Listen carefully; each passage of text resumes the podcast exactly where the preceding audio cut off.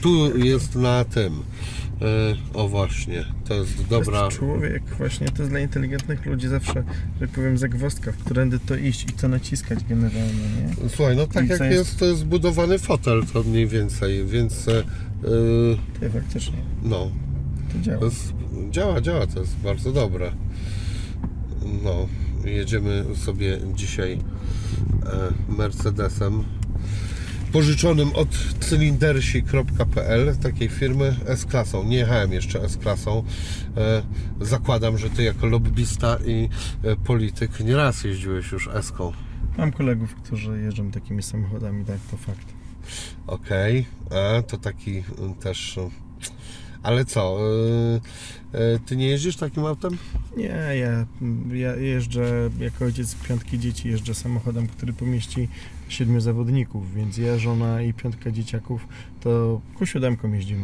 Dwie, A. mamy dwie Q7, jesteśmy jakoś przywiązani i to z- uważamy, nie chcę robić reklamy, ale to uważam, że to m, kiedyś jeździliśmy przez lata Chryslerem Grand Voyagerem, takim autobusem rodzinnym, także generalnie takie samochody może jakiś za jakiś czas zmienię, ale to będzie w związku z tym, że dzieciaki mi się zaraz zaczną z domu wyprowadzać, bo najstarsza córka ma prawie 18 lat, później 17, to za chwilę te ptaszęta wyfruną z gniazda i będziemy mieli, że tak też inną wtedy logistykę, więc nie będą potrzebne dwie, dwie duże fury, w których każdy musi mieć możliwość zabrania jak trzeba i wyskoczenia z piątką dzieciaków. Wiesz co, ja bym polecił, ostatnio jeździłem takim samochodem, e, e, który mi się strasznie nie podoba z zewnątrz, a potwornie podoba e, jako e, auto do prowadzenia i, i tak Mhm. dalej. E, BMW X7. Wygląda trochę jak karawan, natomiast e, jest po prostu nieprawdopodobnie stabilny, jeśli chodzi w ogóle o jazdę i e, naprawdę ten, e, naprawdę e, fajna, fajna sprawa, no ale te Audi duże to też wydaje mi się, że bardzo dobre samochody. Tak, tak, tak, to jednak nie mamy polskiego modelu, polskiej marki i to jednak Niemcy rządzą w tym temacie. Szkoda, że myśmy w tych, w powojennych, e, w powojennym odzyskiwaniu czegokolwiek, czyli niczego, nie, na przykład nie dostali po prostu jakichś procentów w tych e, firmach, które brały udział. E, tak? Tak. No słuchaj, wszyscy potentaci, ja bym poproponował Bayer, BMW, Porsche, Mercedes. Wszyscy, którzy zarabiali na tym, że Polska była podczas wojny niszczona, dostarczali sprzęt zbrojeniowy i equipment wojskowy dla Wehrmachtu, Luftwaffe, Bundeswehry i tak dalej, wszystkich tamtych informacji. Tak, także. Ale to było nierabialne, nie tego chcieli komuniści. Komuniści w ogóle yy, no, niewiele dobrego dla Polski chcieli. Hugo Boss jeszcze bym proponował. Tak jest. Eee, W ramach tego hasła, że naziści byli źli, ale dobrze się ubierali, tak?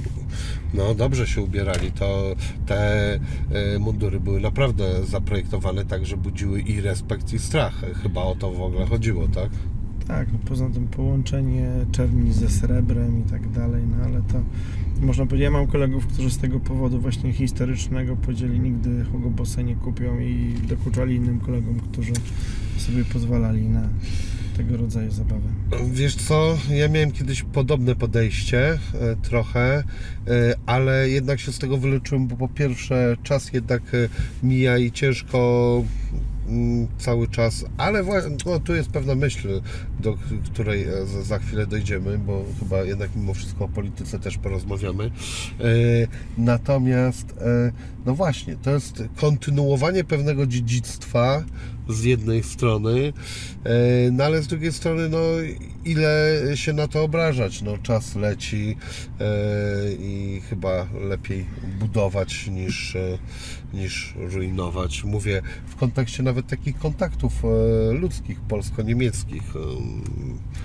To się- prawda, tylko no, w chwili obecnej Niemcy też mają poważny kryzys elit u siebie i tam w chwili obecnej też narasta coraz większe takie napięcie między elitami biznesowymi a politykami, bo w pewnym momencie wychodzą na wywiady duzi ci niemieccy przemysłowcy i mówią tak, Słuchajcie, no mieliśmy mieć ten tani ruski gaz, nie będziemy mieć tego taniego ruskiego gazu, to teraz może byśmy trochę przemyśleli te wszystkie pomysły z tym całym eko szaleństwem, które pchaliście przez ostatnich kilka dekad, uspokajając nas spoko, spoko nadrobimy tanim ruskim gazem, tak?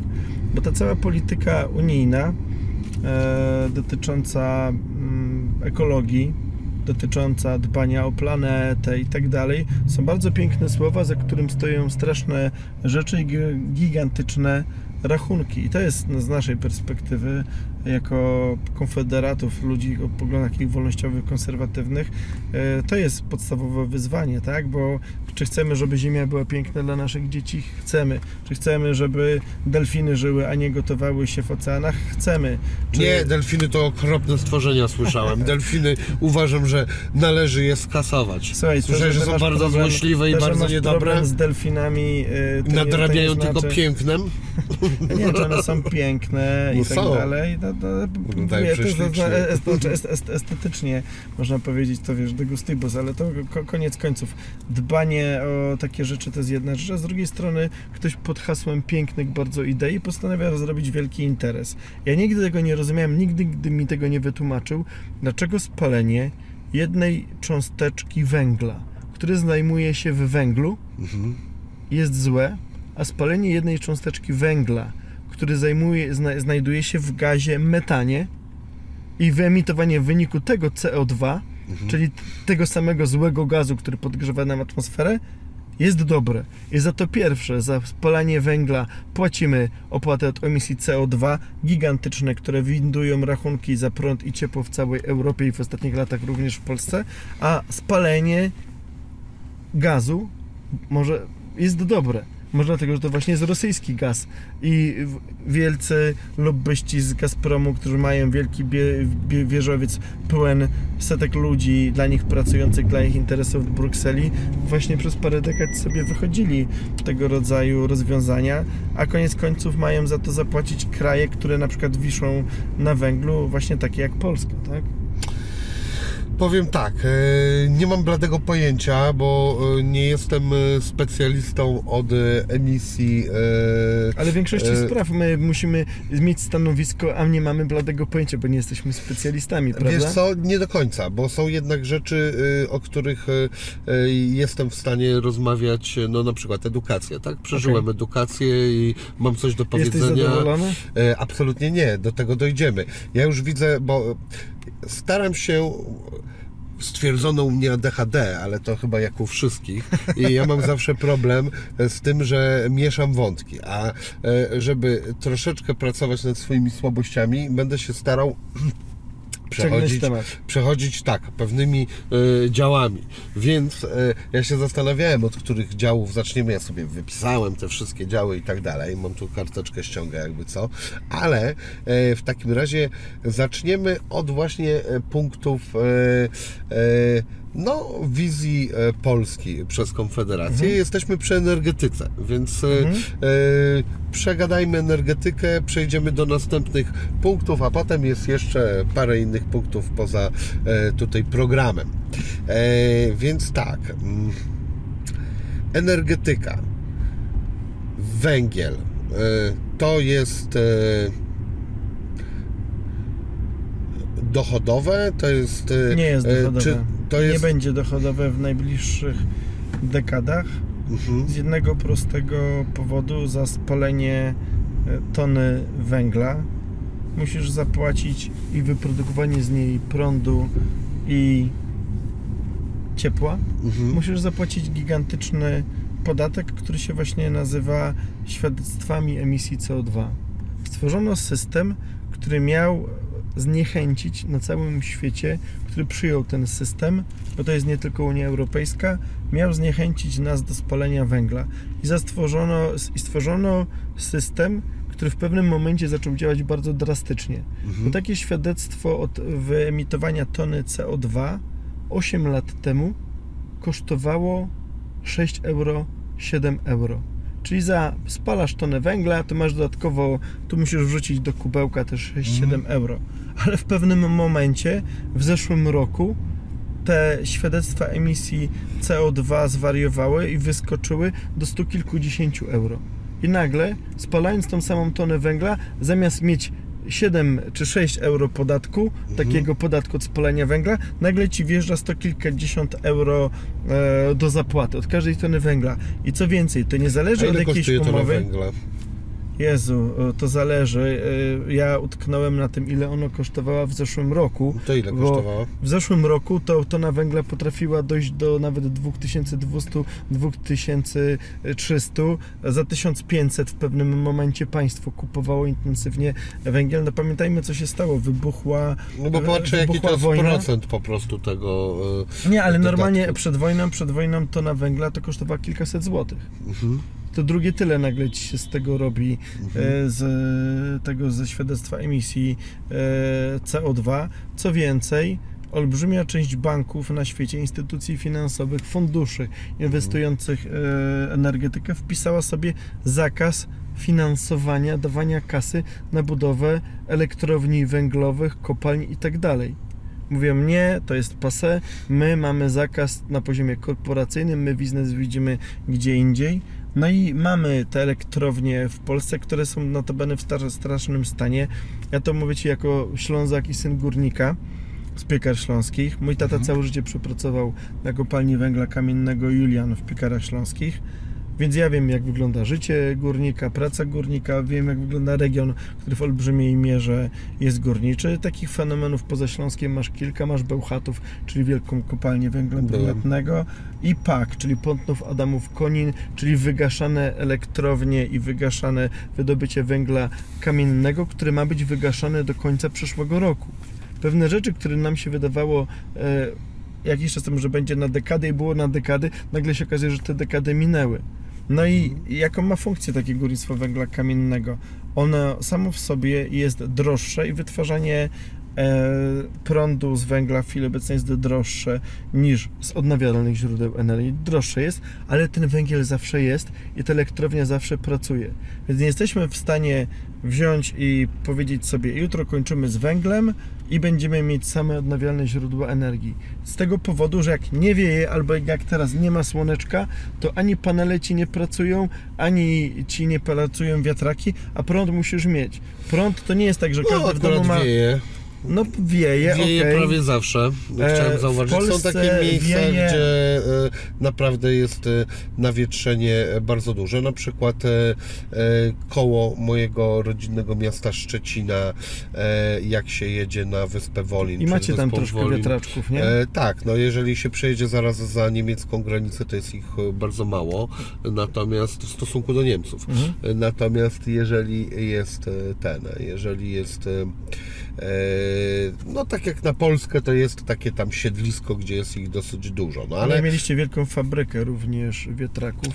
Tak, była, z którą e, wiem, że coś się w ogóle jakiegoś smutnego stało. No, to co. się stało, że PiS z dnia na dzień nagle w ramach hasła Stop Wiatrakom e, postanowił, że nie będzie w Polsce wiatraków i wprowadził przepisy, w ramach którego zablokowano de facto na, od 2016 roku do tego roku powstawanie nowych wiatraków. Powstały tylko te, których już była praca nad nimi rozpoczęta, a olbrzymia liczba z nich została wywrócona.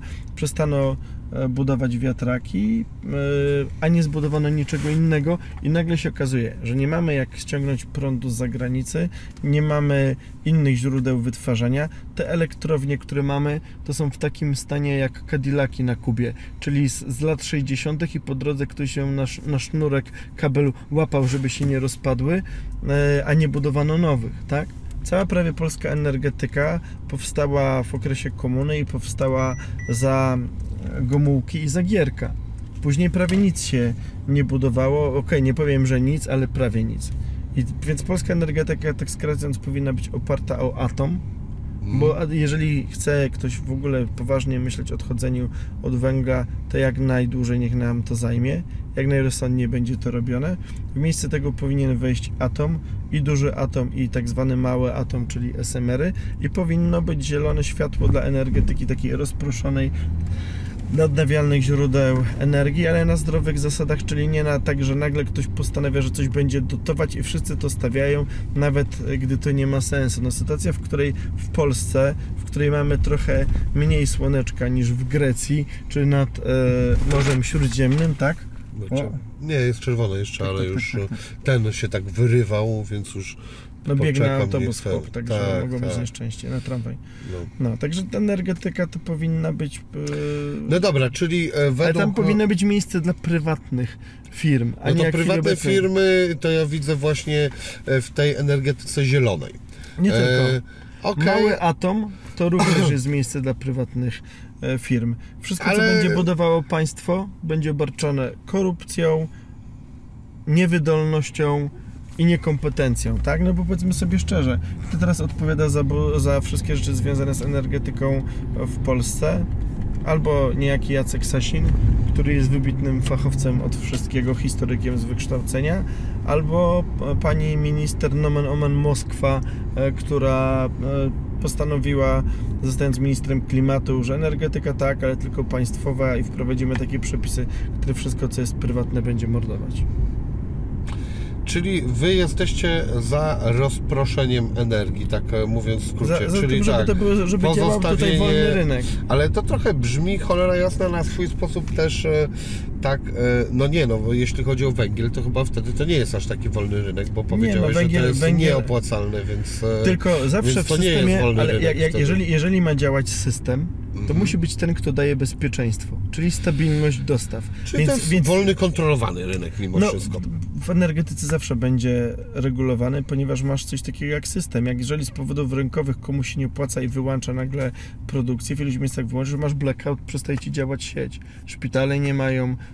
prądu, e, szkoły nie mają prądu, domy nie mają prądu i tak dalej, więc to ze swojej istoty, ta, ta rzecz, która będzie państwowa, zawsze to będzie ta sieć. Słuchaj, Tak. a powiedz mi, a to nie jest taka trochę w tym momencie populistyczna wypowiedź, bo tak jak ja bym słuchał e, ciebie, e, sobie nas, No. to bym sobie pomyślał tak, cholera, jestem górnikiem, super, oni dla nas chcą, zostawiamy to. Nie, nie, jestem, to ale poczekaj, daj mi skończyć, jasne. proszę. Mhm. Jestem e, teraz e, na przykład e, Jakubem Pikusem, to jest mój kumpel, który fotowoltaikę e, się zajmuje. E, też dobrze dla niego, bo polskie firmy e, fotowoltaika.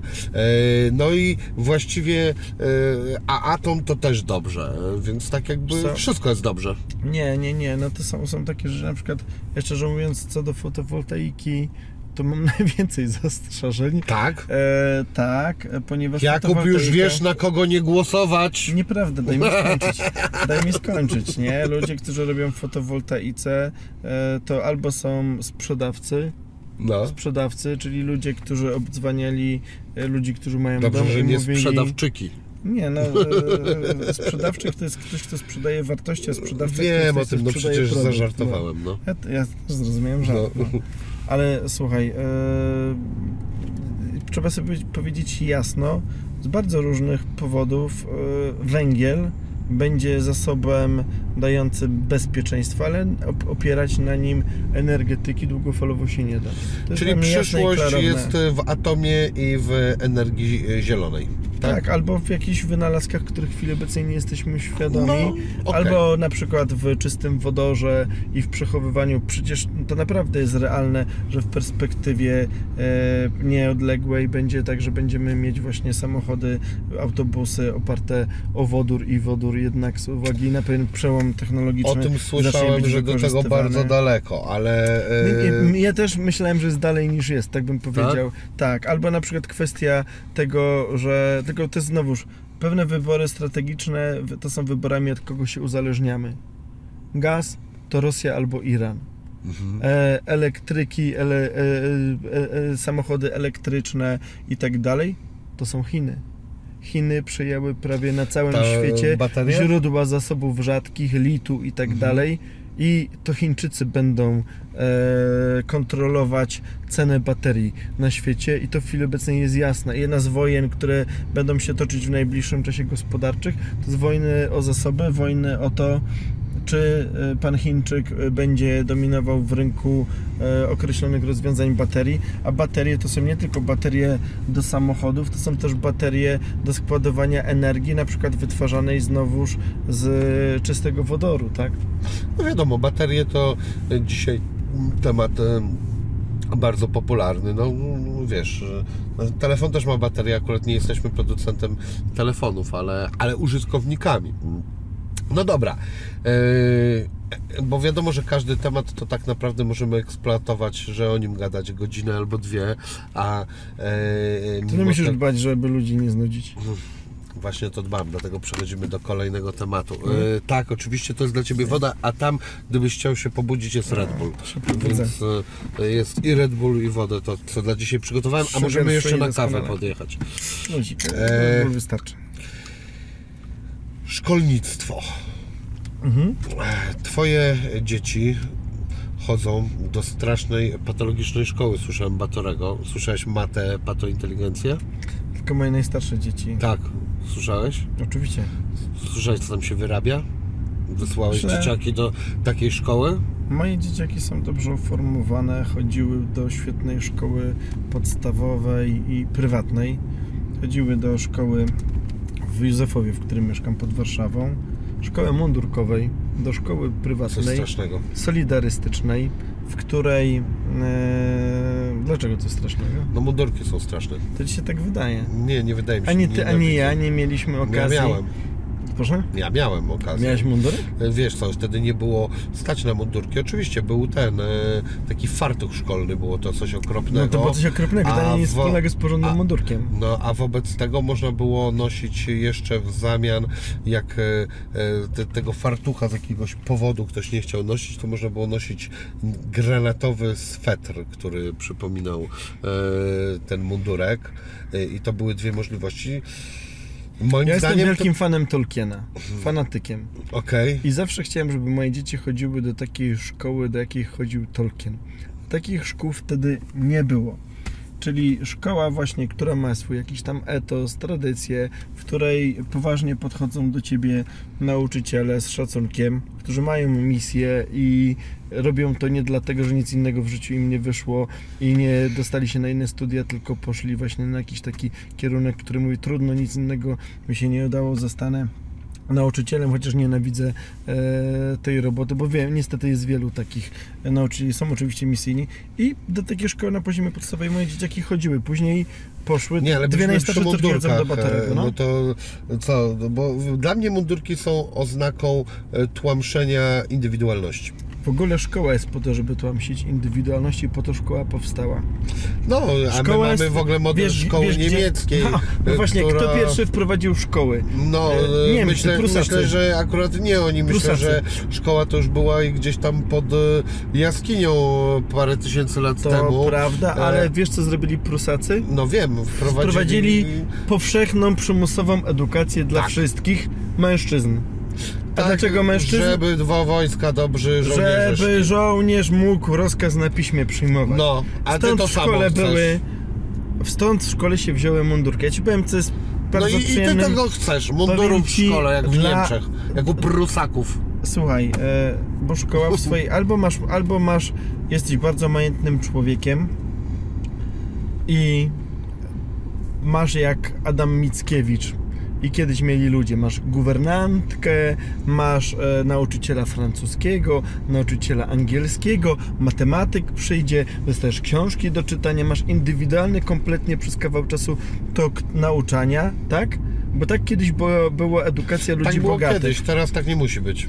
Później, tak, teraz możesz to wszystko dostać w pełnym cyklu z internetu na Tak. przykład, tak? Bez ruszania się z domu. Tak. Są dzieciaki, które się źle czują w szkole, dla których szkoła z jej regułami, zasadami, bycie w grupie, cykle 45 minut bez przerwy, później przerwa, tak dalej, no taki tryb parawięzienny je męczy i dlatego to, Zazwyczaj nie decydują o tym dzieciaki, tylko zdecydują o tym rodzice. którzy bo nie mają pojęcia, dzieciaki... czego chcą dla swoich dzieci czasami. Jedni tak, a to miło, że o tym mówisz, bo y, y, ja gdzieś miałem pojęcie, mm, że teraz powiem wy, no jakiś jest stały pogląd Konfederacji, że y, w- Korwin-Mikke, wasz przywódca, którego myśl w Przywódca jakiś senior. sposób dalej kontynuujecie, niczym te Mercedesy i to miało być to wtedy ta myśl, Aha. że e, no dalej jesteście jednak gdzieś jest to pewna kontynuacja tej myśli, no to on zawsze e, uważał, że to najlepiej rodzice wiedzą w ogóle, Dokładnie tak. co jest najlepsze dla dzieci. Na pewno lepiej niż urzędnicy. A ja uważam, że nie. Ja uważam, że jedni rodzice wiedzą lepiej, a inni nie. No przecież są okropni rodzice, którzy w ogóle mają gdzieś siebie, swoje dzieci i jest takich ludzi bardzo dużo. Albo jeszcze środek, żeby nie tylko ekstremów szukać. Ludzie zwykle zabiegani, którzy nie dają sobie rady z życiem i ciężko jest, mają i pracę, i dzieciaki, i jeszcze jakieś, nie przykład, nie wiem, chorych rodziców i ciężko jest tak wszystko dobrze przemyśleć i- ułożyć. No, To jest jasne. Ale trzeba mieć wybór i obserwujesz innych ludzi, którym w życiu się udaje. Na przykład w Stanach masz trzy modele szkolne. mhm. Szkoła państwowa, szkoła prywatna na drugim biegunie, a po środku są na przykład szkoły właśnie na bon edukacyjny, szkoły przeprowadzone przez stowarzyszenia rodziców, przez jakieś kościoły, jakieś instytucje e, społeczne, fundacje i tak dalej, które są tak po, po środku. I ludzie wiedzą, że te szkoły prywatne są super drogie, ponieważ ludzie, którzy je skończą, mają większe szanse na rozwój, zarabianie pieniędzy i tak dalej. Jak kończysz dobry uniwersytet w Stanach, to tam masz zestawienie, ile teraz średnio dostaje, mi- ile dostaje minimalnie e, propozycje e, pracy miesięcznie, rocznie absolwent takiej uczelni, tak? Wiadomo, że idziesz na Harvard, bo chcesz zarabiać tyle i tyle dolarów rocznie na początku swojej kariery, a dalej sobie już tym sam musisz e, potoczyć. My jesteśmy po pierwsze za tym, żeby za te same pieniądze, które teraz idą na edukację, rodzice mieli wybór. Ja znam rodziców, którzy mają dzieciaki w edukacji domowej. To jest bardzo ciężka rzecz, e, którą ja podziwiam. My z żoną przy piątce dzieci nie daliśmy sobie z tym rady, bo wiemy, że to jest też potworna logistyka, że masz dzieciaki cały czas w domu, przychodzą do nich jak jacyś nauczyciele, e, albo łączysz się z nimi przez Skype'a i tak dalej, albo sam ich uczysz i poświęcasz na to olbrzymią ilość czasu. To są super rodzice, robią super rzeczy, często budują dzięki temu też unikalne więzi ze swoimi Mhm. dzieciakami, bo nie jest tak, że wyp- wypycham dzieciaka z kluczem e, na szyi do szkoły i, i mm, no i można powiedzieć, widzę go czasami wieczorem i czasami w weekendy. Widzę, że to działa. Są ku temu wielkie badania i jak na przykład e, dlaczego nie mają być dyskryminowani finansowo, jak oni biorą na siebie taką tyrkę? Rodzice, którzy sami siedzieli ze swoimi dziećmi na lockdownach, covidach, zajmowali się, przyjęli funkcje edukacyjne, powinni za to dostać pieniądze. Powinien za tym realnym wyborem pójść też pieniądz, bo nie realizowali za państwo obowiązek edukacyjny.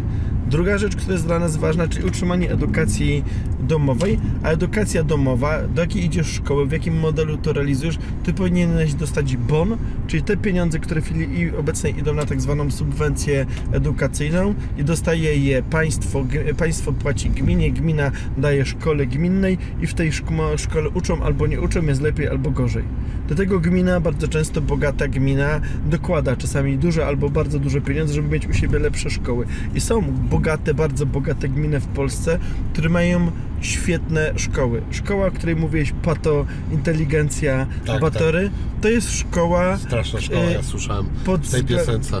e, Same tam straszne narkotyki biorą wszyscy, jakieś różne nie, seks wszyscy, ale wiele osób z całą pewnością i miękkie, i twarde, i alkohol jest pity, ale tu można powiedzieć, e, niewiele się zmieniło czasów, gdy ja chodziłem do szkoły i pewnie ty chodziłeś do szkoły. Nie, Ktoś nagrał na chodziłem, nie tym piosenkę i był beat.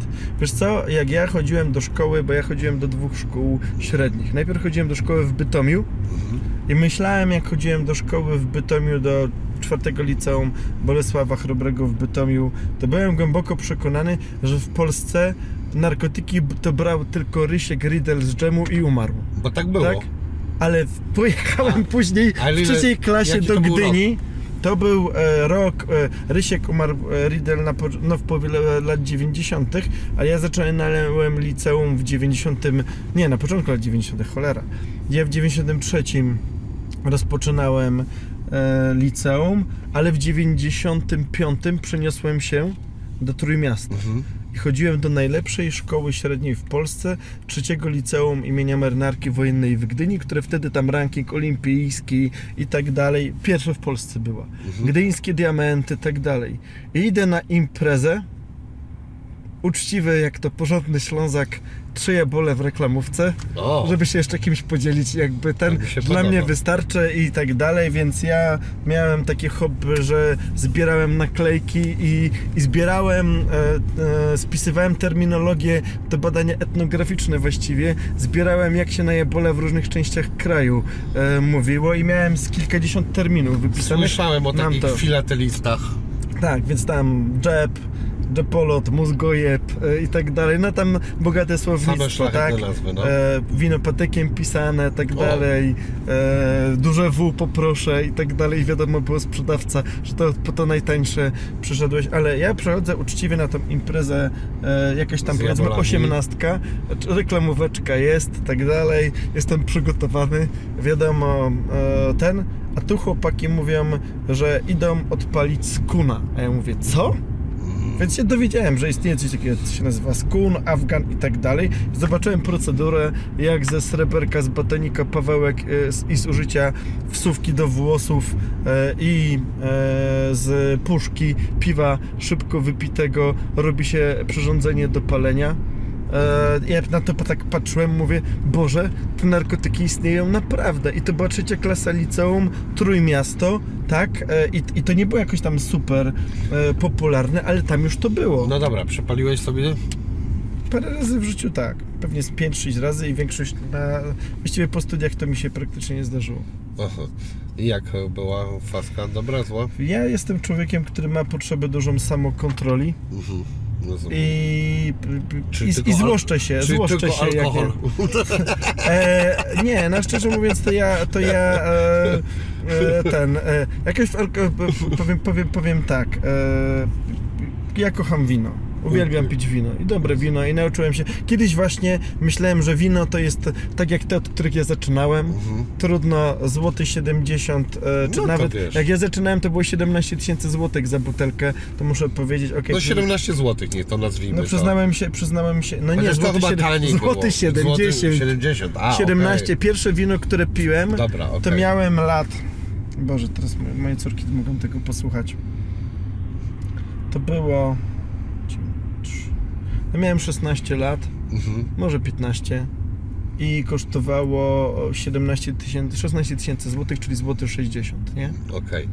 No to, dobra, to tak- piwa obok były e, w podobnej cenie. E, piwo górnośląskie niepasteryzowane było okej 14 tysięcy, tak? że ja tak pamiętam, jak myśmy z dziewczyną próbowali wina, ale byliśmy już trochę e, starsi, ale już to, to już nie chodziło nam o takie najtańsze, tylko takie po prostu zwykłe.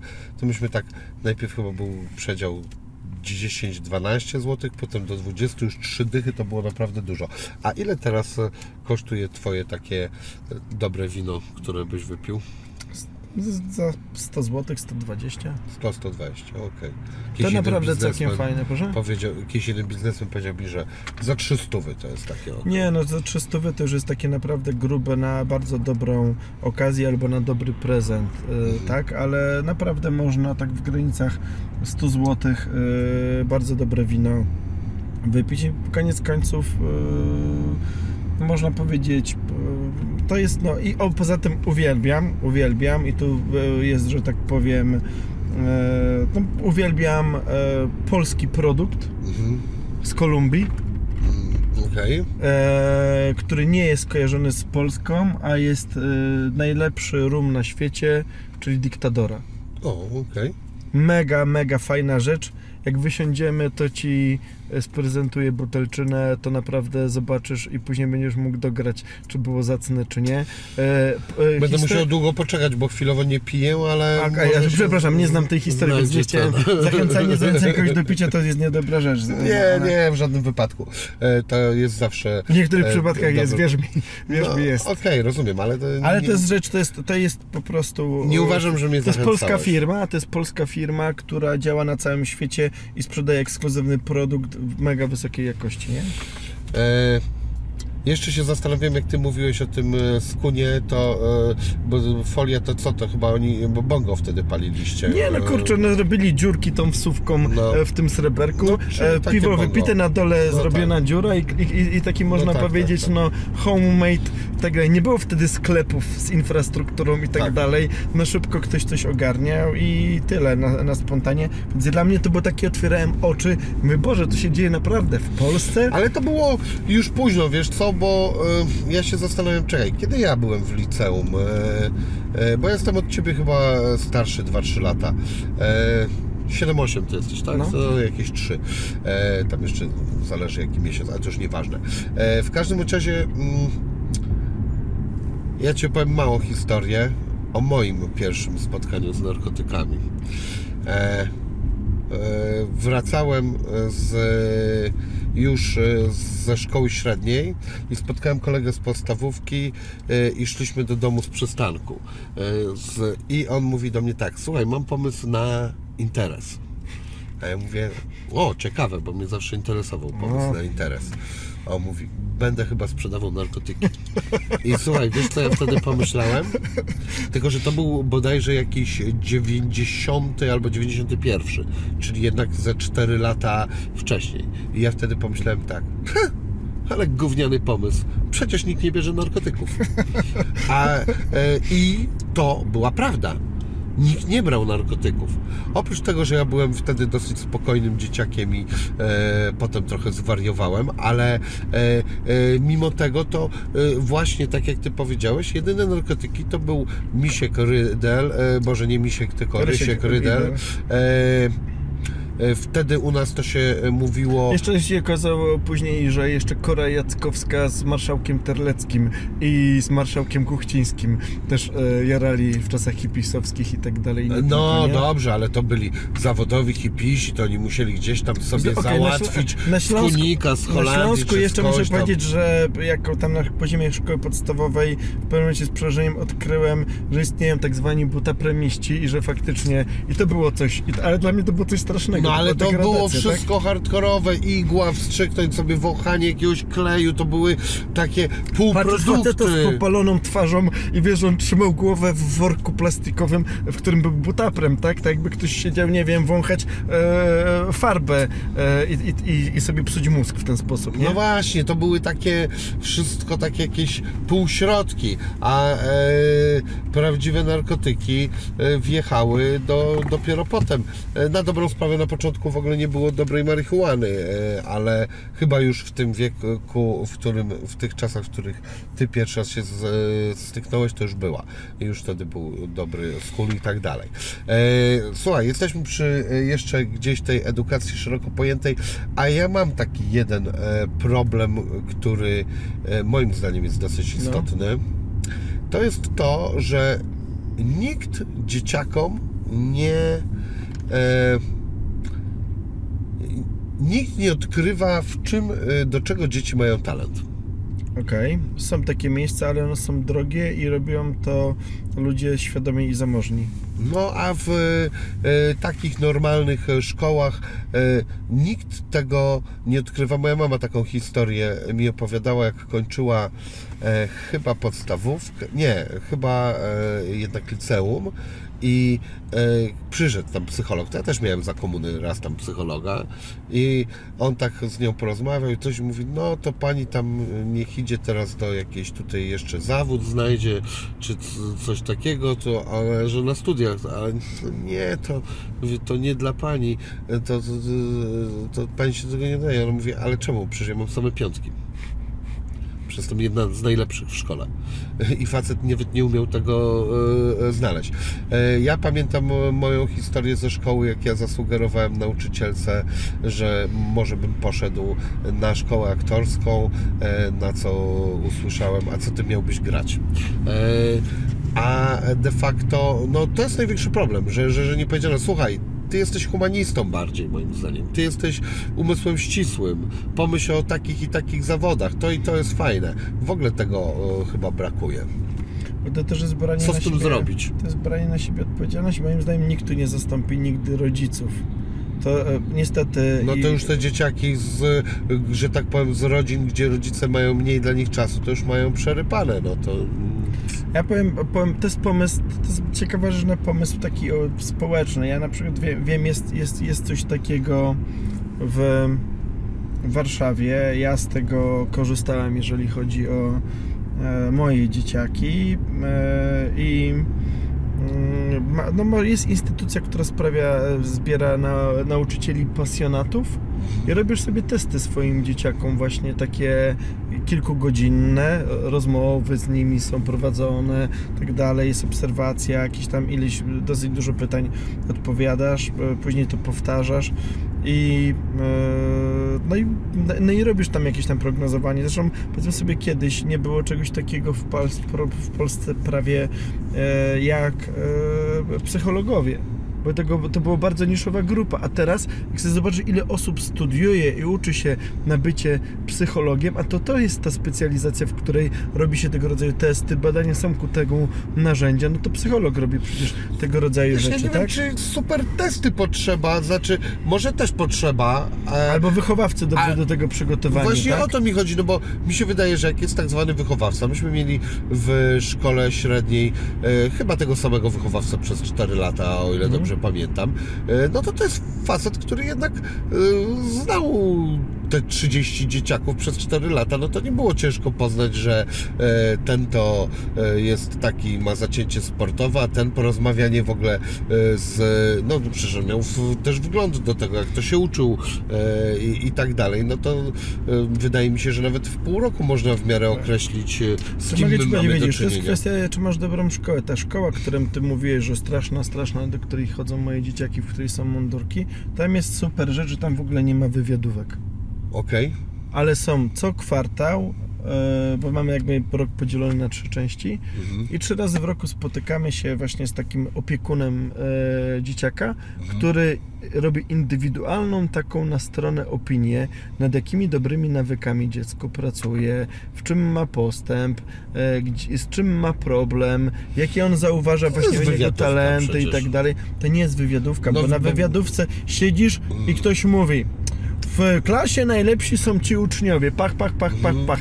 Co mnie jako rodzica, przepraszam, co żeby mnie e, presować albo chwalić moje dziecko przy innych? Ja chcę wiedzieć, co moje dziecko ma w głowie Rozumiem. i czego ono potrzebuje, a mówienie mi o innych to jest tak jakby ktoś powiedział mi, słuchajcie, no nie wiem, chciałem zaprezentować badania lekarskie waszej klasy i mówił o indywidualnych, osobistych tych rzeczach. No, No, wiesz, też... ja myślałem, że wszystkie dzieci to nasze dzieci, szczególnie jak jesteś politykiem, to te inne dzieci też Cię powinny interesować. Nie, to ludzie, którzy tak mówią, to to są kłamcy i oszuści. Wiadomo, Okej. że jednym z najsilniejszych mechanizmów, e, które kierują człowiekiem, to jest to, że chce, żeby jego dzieci miały się jak najlepiej, a jeżeli to możliwe, to lepiej niż inni. No, Taka jest prawda. Tutaj muszę się zgodzić. Słuchaj, ale dobra, a gdyby e, państwowe szkoły, co, wprowadzilibyście mundurki do państwowych szkół? Nie, nie, my byśmy dali bon edukacyjny i ty sobie wybieraj, do której chodzisz szkoły, a za tobą idzie pieniądz. Okej, Ty ale mundurków nie trzeba Jak chcesz, jak według chcesz, Konfederacji jak chcesz, nosić. Nie, jak chcesz iść do szkoły z mundurkiem, i do szkoły z mundurkiem. Jak chcesz iść do szkoły tylko dla chłopców, to idź do szkoły tylko dla chłopców. Jak tylko dla dziewczyn, to tylko dla dziewczyn. Jak chcesz iść do szkoły sportowej, to idź do szkoły sportowej. E, e, dokładnie, jak chcesz do, to właściwie alternatywa jest to koordynacyjna do tych dwóch. Masz absolutnie Okej. rację, tak? Więc to moim zdaniem to powinna być wolność wyboru rodziców, ale oni mieć realny wybór i nauczyciel powinien wiedzieć, że jak rodzice będą niezadowoleni z tej szkoły, to wezmą z niej dzieciaka Mhm. e, i z nimi straci też pieniądze. A jak straci x dzieciaków, bo będą niezadowoleni z tego, jak szkoła funkcjonuje, to trzeba będzie zlikwidować klasę, a być może jego miejsce pracy, tak? To jest odwrotna logika niż spory e, pod tytułem co robić z wprowadzoną w stanie wojennym e, kartą nauczyciela. Tak? Jak określać centralnie pensum i tak dalej, wynagrodzenia. No powiedzmy sobie szczerze, Ile nauczyciel powinien zarabiać? jak najwięcej. Ile? Jak najwięcej. Ja bym chciał, żeby nauczyciel dychę zarabiał. Okej, to jest taki Dychę na przykład plus. co, w liceum y, albo w e, tym, w, albo w... W szkole podstawowej też. Mhm. To ja, ja powiem tak, ja wiem ile kosztuje godzina korków w Warszawie. Mam piątkę dzieciaków, no to zależy z czego. Język No nie angielski, matematyka, stuwa, 150, 80 za godzinę. No to, to, Tak? to, to nie, to w ogóle myślałem, że powiesz że jakieś y, mocniejsze warszawskie ceny. Nie, to no tam to tyle samo no, no, no ale to tam wiesz, to tam jak masz piątkę dzieci, to jesteś w stanie negocjować rabatę, Okej. tak? Bo masz stały, stały klient i tak dalej. E, no, ale też. E, ale Największy też ból polskiego szkolnictwa teraz taki, taki największy, co największa rzecz do poprawy od razu. Moim zdaniem to jest po prostu chory system. Chory system, w którym tak. No ale chory Urzędnicy, no, urzędnicy, nie, urzędnicy, to, to, to powinien być system, który jest nakrę, kierowany przez rodziców i nakręcany pieniądzem, a nie przez urzędników i biurokratów. W chwili obecnej tak, kuratoria ci, y, ministerstwo określa ci program, e, określa ci wymogi, co chwilę te wymogi zmienia, e, masz w tym wszystkim chaos, e, urzędnicy i politycy na poziomie gminnym prowadzą szkoły, decydują o obsadach i zatrudnieniach w szkołach, to jest decyzja polityczna i bardzo często powiązana, bo wiesz, że dany dyrektor szkoły jest twoim kolegą partyjnym, za chwilę będzie kandydował na posła z twojej listy albo na radnego i tak dalej, działasz w pewnym tu nie ma myślenia rynkowego i, i można powiedzieć na koniec końców, no szkoła zawsze jest do tyłu. Szkoła E, powiem tak, w chwili obecnej w ogóle po, po covid lockdownie się rozpada i wielkim dramatem podstawowym są niskie wynagrodzenia nauczycieli, bo one powodują jedną rzecz. Selekcję negatywną. No słuchaj, Ludzie ale to jest idą- wszędzie, gdzie jest ta tak zwana służba, no to tak samo mamy. E, No oprócz może, bo na lekarza to się trzeba mocno uczyć, ale e, tak. e, Na pielęgniarkę też, to jest mega też. ciężki zawód. No, to znajdziemy dużo jeszcze innych ciężkich zawodów, ale mi chodzi o to, że wiadomo, że fajnie by było, żeby e, nauczyciele zarabiali e, wysoko, żeby Mhm. policja zarabiała wysoko, bo Mhm. też by to e, w tym momencie by to obcinało patologię. Tylko pytanie jest takie, skąd Ale- też brać na to kasę, bo jednak e, od, odwróćmy. E, Jeśli chodzi o na przykład policję, e, no o część e, e, szkół, e, rozumiem, że część szkół mogłaby być prywatna albo e, nie wiem, byłyby Ja uważam, jakbyśmy państwowe. wprowadzili bon edukacyjny, to szkoły państwowe, czyli gminne, Mhm. bardzo szybko przestałyby istnieć i, i, i ta infrastruktura, te nieruchomości byłyby przekazane dla fundacji stowarzyszeń rodziców, które chcą prowadzić szkołę. Naprawdę. e, Czyli to jest taki de- model. Uważamy, że taki model, taki model, w którym masz różnorodność, ale masz możliwość współpłacenia, tak? No bo prawda jest taka, że każdy, kto płaci za korepetycje swoich dzieci, współpłaci za naukę albo płaci podwójnie. Masz niby darmową szkołę, ale on, która cię uczy tak, że wydajesz majątek na korepetycje. To w ogóle z czym A my mówiłeś, walczymy jako dobre, a mówiłeś, że takie dobre szkoły są te, do których chodzą twoje dzieci, a to trzeba i tak jeszcze za te Ale- płacić. Ale to jest kwestia tego też, że właśnie masz grupę. Masz grupę 15, 10 Mhm. czy 30 osób w klasie. One idą w różnym tempie. Pewne rzeczy są łatwiejsze, pewne rzeczy są prostsze. Pewnych rzeczy trzeba też sprawdzić, zweryfikować.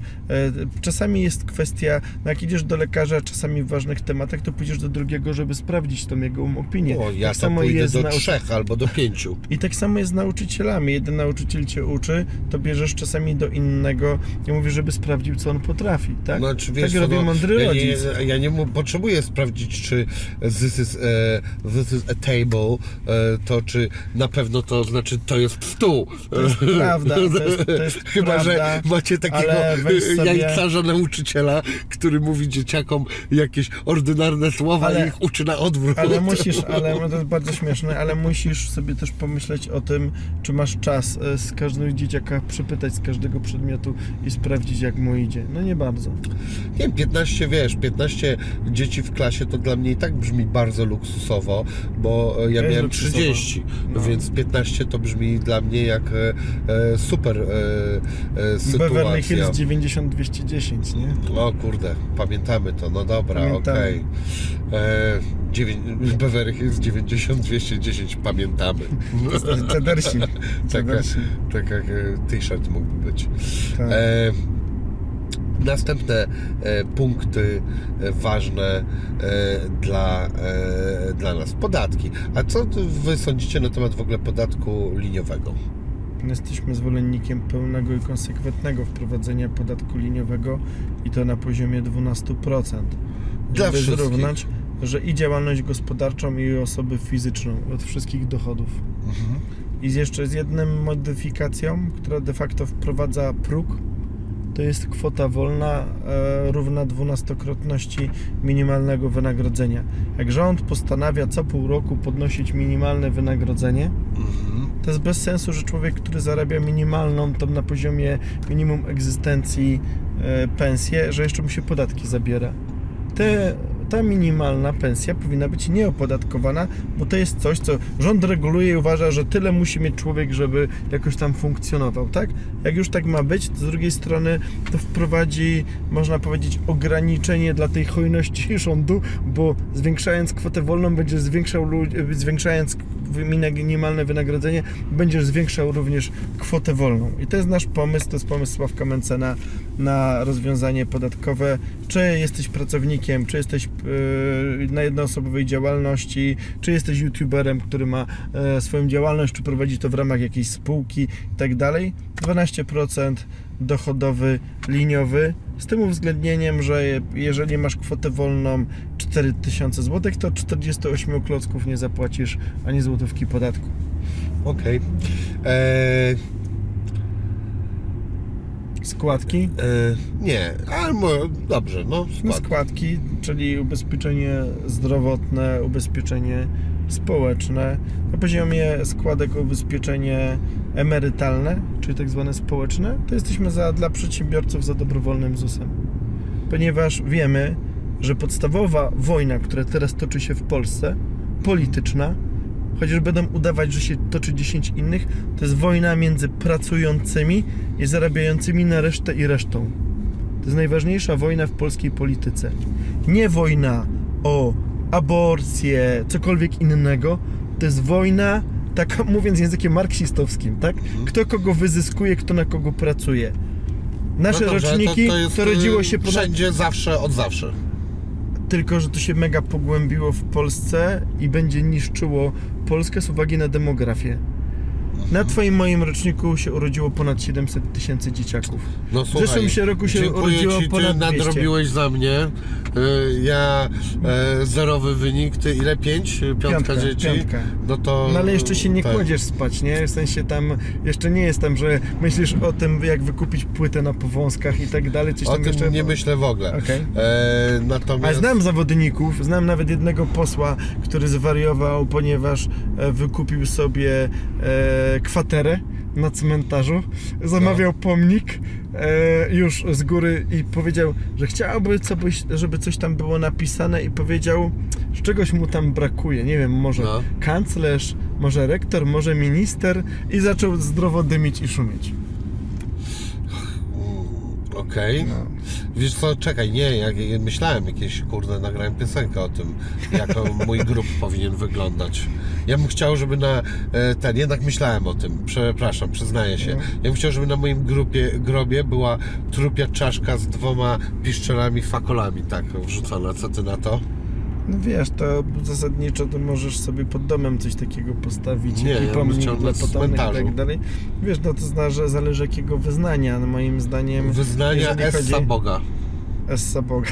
Tak, Słuchaj, e, to to jak... jest moje wyznanie nowe, które Okej, teraz e, okej. nad nim e, pracuję mocno. Okej. To słuchaj, to masz takie wyznanie jak mniej więcej jed, e, je, je, 11% wyborców Konfederacji. Co najmniej 11%. Tak? Są wyznawcami Boga Essa? Nie, są bezwyznane, wy- bezwyznaniowi, mają na wszystko wywalone i jakiś tam Nie, no ja jestem wyznaniowy, no ja mam e, tego, mam e, Boga Essa. Zresztą e, zapytaj się swoich młodszych dzieci Ja wiem, Essa. co to jest ESSA, najpopularniejsze słowo młodzieżowe roku i tak dalej, ale ESSA i tak dalej. i Które tak chciałem dalej. Ci powiedzieć, że ja wylansowałem je w Polsce. No to słuchaj, jesteś, nie wiem, czy wygrywem, czy nasza cywilizacja jest przegrywem. To się będę musiał jeszcze nad tym Czemu? zastanowić, Nie co? podoba Ci się słowo Essa? Nie, no to jest generalnie, ja rozumiem, ja, ja, ja, ja, ja rozumiem... e, To jest świetne ten- słowo. Wiesz co, nie chcę zranić duszy artysty, który coś wylansował i osiągnął sukces. Nie jestem nie no, przywiązany. porozmawiajmy o Essie jestem, właśnie. ja jestem przywiązany do jednak klasycznych kategorii Do językowym. Do Amen jest spoko generalnie, tak? Chociaż nikt nie wie, co ono oznacza. To właściwie znaczy koniec, skończyłem, zakończyłem. A Essa też ma to znaczenie samo co No. Amen. Ma wiele innych znaczeń, ale jedno z tych, z jedno ze znaczeń e, e, to jest e, również Amen. Też jak się mówi, e, jak się modli do Boga Essy, to też pod koniec zamiast Amen mówi się Essa. Słuchaj, co ty robisz? Czy ty mnie do Radomia wieziesz? To zawraca. Nie jedziemy sobie z, oglądać piękną Polskę. Okej, Polska jest piękna, ale jedziemy w stronę Radomia. Także żarty żartami, ale jakieś żarty, żar- żarty y, i poczucie humoru ma też swoje granice, nie? Nie no, ale co, nie lubisz Radomia? Nie, tam no, generalnie bardzo lubię, bardzo lubię e, skecze i żarty e, z Sosnowca i Radomia. A, okej. E, I chociaż nie ma nic od tych miast, ale rozumiem, że czasami z pewnej specyfiki lokalnej ktoś potrafi e, ukręcić e, dowcip, nie? No ale wróćmy do tego, do tych rzeczy składkowych, to my jesteśmy za dobrowolnym ZUS-em dla przedsiębiorców, bo uważamy, że z naszego pokolenia z naszego pokolenia, przy tym gdy tych dzieciaków jest na roku 200 kilkadziesiąt tysięcy, a będą musiały urobić na emerytury y, ludzi z naszych pokoleń, z naszych roczników i tych starszych, to Ale- będą musieli coraz więcej tego, co wypracowują, Weź oddawać. wytłumacz tą jedną rzecz, bo ja No. tego nigdy nie rozumiem. Ja No. się nie znam e, specjalnie na e, polityce, makroekonomii miałem na No, no. studiach, ale jakby e, miałem, zapomniałem i tyle. Okej. E, natomiast e, e, wytłumacz mi, co, co to jest z tym cholera jasna, że trzeba płacić, że ci poprzednie po, ko, młodsze pokolenia płacą na te starsze. Mi się wydawało, że... e, Płacisz na swoje własne konto? E, e, Poczekaj, że była wojna, a po wojnie to moją babcię przywieźli z Kazachstanu do ten, do Polski i ona Mhm. zaczęła płacić na swoją emeryturę i ona płaciła. Potem płacili jej dzieci, czyli moi rodzice i teraz ja i wszyscy płacimy. A potem się mówi, że to, że to twoje dzieci będą płacić ten. No cholera, myśmy płacili pieniądze. Czemu e, ten? I- Gdzie to, kto i- kiedyś wziął i zdefraudował te wszystkie pieniądze? Na bieżąco wszystkie konkretne rządy. W chwili obecnej z tych pieniędzy, które płacą pracujący, Mm? wypłacane są emerytury niepracujących. Ale już teraz, w przyszłym roku braknie Mhm. Z tych składek, które płacą ci, co teraz pracują, na tych, którzy już nie pracują, braknie od 48 do 65 miliardów. W No, i- przyszłym roku. no. A z roku na rok te nożyce się będą rozwierać i ilość tych pieniędzy, które wpływa z tego, co płacą ludzie na bieżąco ze samych składek, a ile trzeba wypłacić emerytury będzie rosła, a resztę trzeba będzie dorzucić z podatków, czyli z PIT-u, VAT-u, akcyzy i tak. A demografia doprowadzi jeszcze do tego, że w pewnym momencie tych ludzi, którzy pracują, będzie tak mało w porównaniu z tymi, którzy są na emeryturze, że będą chcieli nam zabierać 3 czwarte tego, co wypracujemy. Nie tylko tym kryzysom, Carringtonom, Bogolom, bo przecież wszyscy, którzy mówią, że to bogaci powinni płacić większe podatki, doskonale wiedzą, że bogaci są pierwszymi, którzy przestają płacić podatki. To klasa średnia i ubodzy płacą podatki, bo nie mają z nimi jak uciec za granicę, bo nie mają na tyle dużo pieniędzy, żeby sobie znaleźć doradztwo, żeby założyć sobie w Szwajcarii, w Liechtensteinie, Waduc, Żeby e, znaleźć na sobie Malcie. takiego prawnika jak ty, Tak, który tak. to załatwi. Dokładnie tak, nie załatwi, Hmm. tylko korzystając z prawa polskiego, międzynarodowych umów o wzajemnym unikaniu opodatkowania i z prawa unijnego założysz im wehikuł, w ramach którego on e, będzie miał całe pieniądze za granicą, w miejscu, w którym od tych pieniędzy za to, że sam je, je trzyma, nic nie musi płacić, nie płaci żadnych podatków, ale na przykład musi tam mieć dom i zapłacić No tak, podatek od wiadomo. nieruchomości i tak Albo dalej. pomieszkiwać, albo udawać, działa- że pomieszkuje. Tak działa cały świat.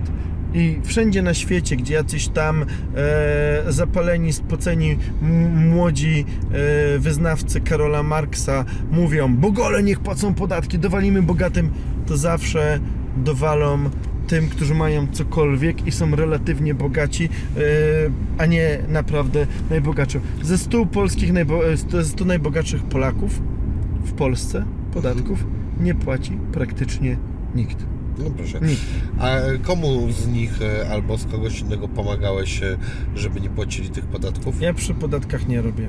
A, okej. Znaczy, kiedyś robiłem w podatkach, kiedyś pracowałem w największych firmach doradztwa podatkowego międzynarodowych, w firmie Deloitte i w firmie Ernst Young. Czyli jednak EY, Arthur ten- Andersen. Ja robiłem nie w optymalizacjach podatkowych albo w podatkach dochodowych, ale byłem tak zwanym VAT-owcem, bo ten świat jest tak porąbany, tak Mhm. pogrzany, że w chwili obecnej nikt nie ogarnie całych podatków. No dobra, ale Więc czekaj. jesteś, nie jesteś być w stanie kapłanem ogólnym, jak e, tylko jesteś specjalistą Mhm. No, i jesteś VAT-owcem, więc starasz się pochytać ten VAT, co tu się dzieje w ty tym jednym Tylko podatku. wyprowadzałeś waty w takim razie? Nie, VAT-u się właśnie nie wyprowadza, ponieważ VAT płacisz zawsze w kraju konsumpcji. Ale Okej. mogę Ci powiedzieć, co robiłem. No. Robiłem z mopów sprzęt medyczny. Tak, słyszałem właśnie o tym. To Mła Prosiak zrobiła e, i tak dalej. No. Występowaliśmy o klasyfikację do Wojewódzkiego Urzędu Statystycznego, powiedzmy w Łodzi, pisząc, że ten mop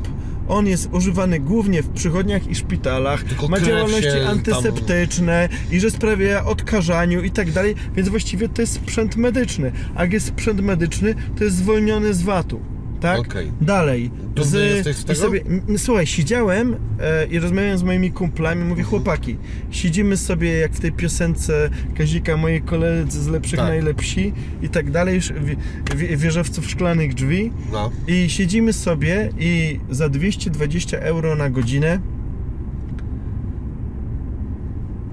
piszemy opinie i robimy papiery, żeby nasz klient nie miał problemu albo miał się lepiej niż inni i dostał na to wszystko potwierdzenie od urzędów państwa i tak dalej. E, A ten system jest jak rzeka, która płynie przez miasto i topi ludzi, Tak. i topi ludzi, którzy nie mają tych 220 euro za godzinę, żebyś im podał patyk i ich z tej wody wyciągnął.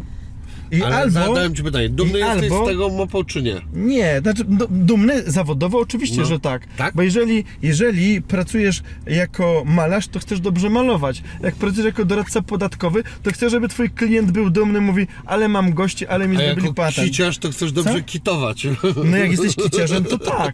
A jak jesteś hip-hopowcem, to chcesz mieć, e, wiesz, co, co chcesz mieć dobry, chcesz dobry mieć- beat i dobry generalnie ten. mieć piosenkę jak No. Pato Inteligentny. Patrz, ten, kupujemy sobie jakieś coś polskiego? Albo prosto z pola. Pod, nie potrzebujesz A jesteś głodny? Tej? Nie, nie jestem.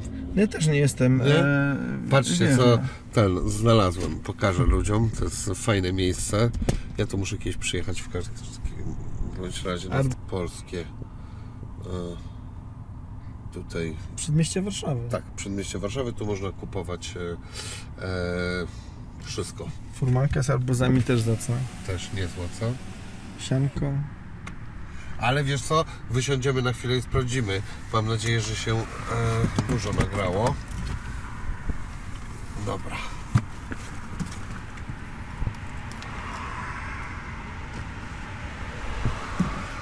Mm. Jak to wyłączyć? O, jakoś tak.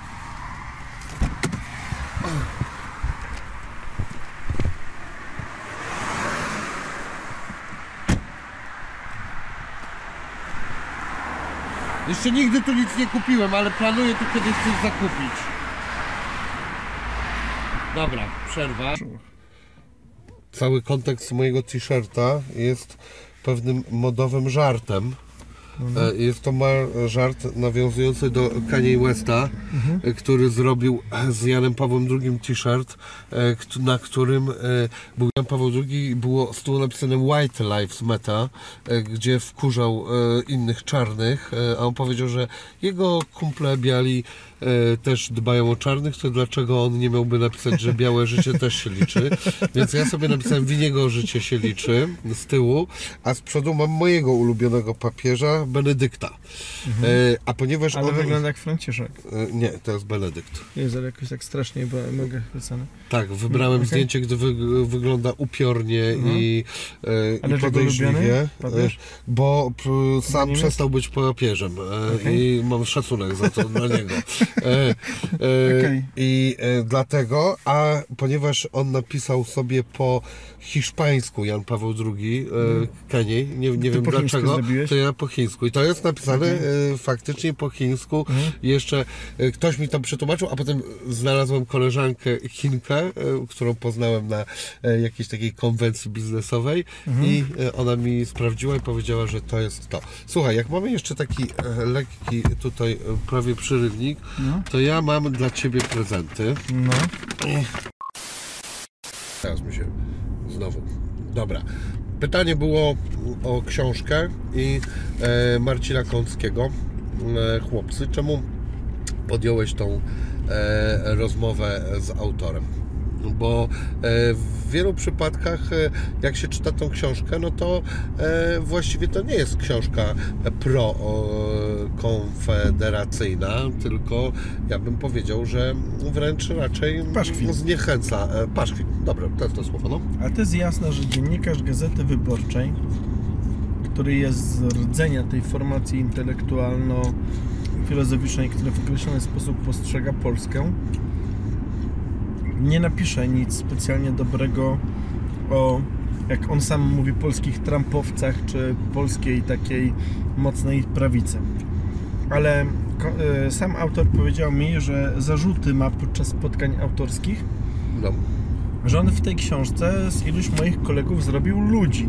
I że oni tam są ludzcy, Aha. i, a wręcz i, e, ktoś tam mu powiedział, mówi, e, że to co zrobiłeś jest straszne. Ja wręcz polubiłam Korwinę i zaczęłam mu w pewnych sprawach współczuć. Są prawdziwi ludzie z krwi i kości w różnych kwestiach. Zresztą on sobie żartuje. E, e,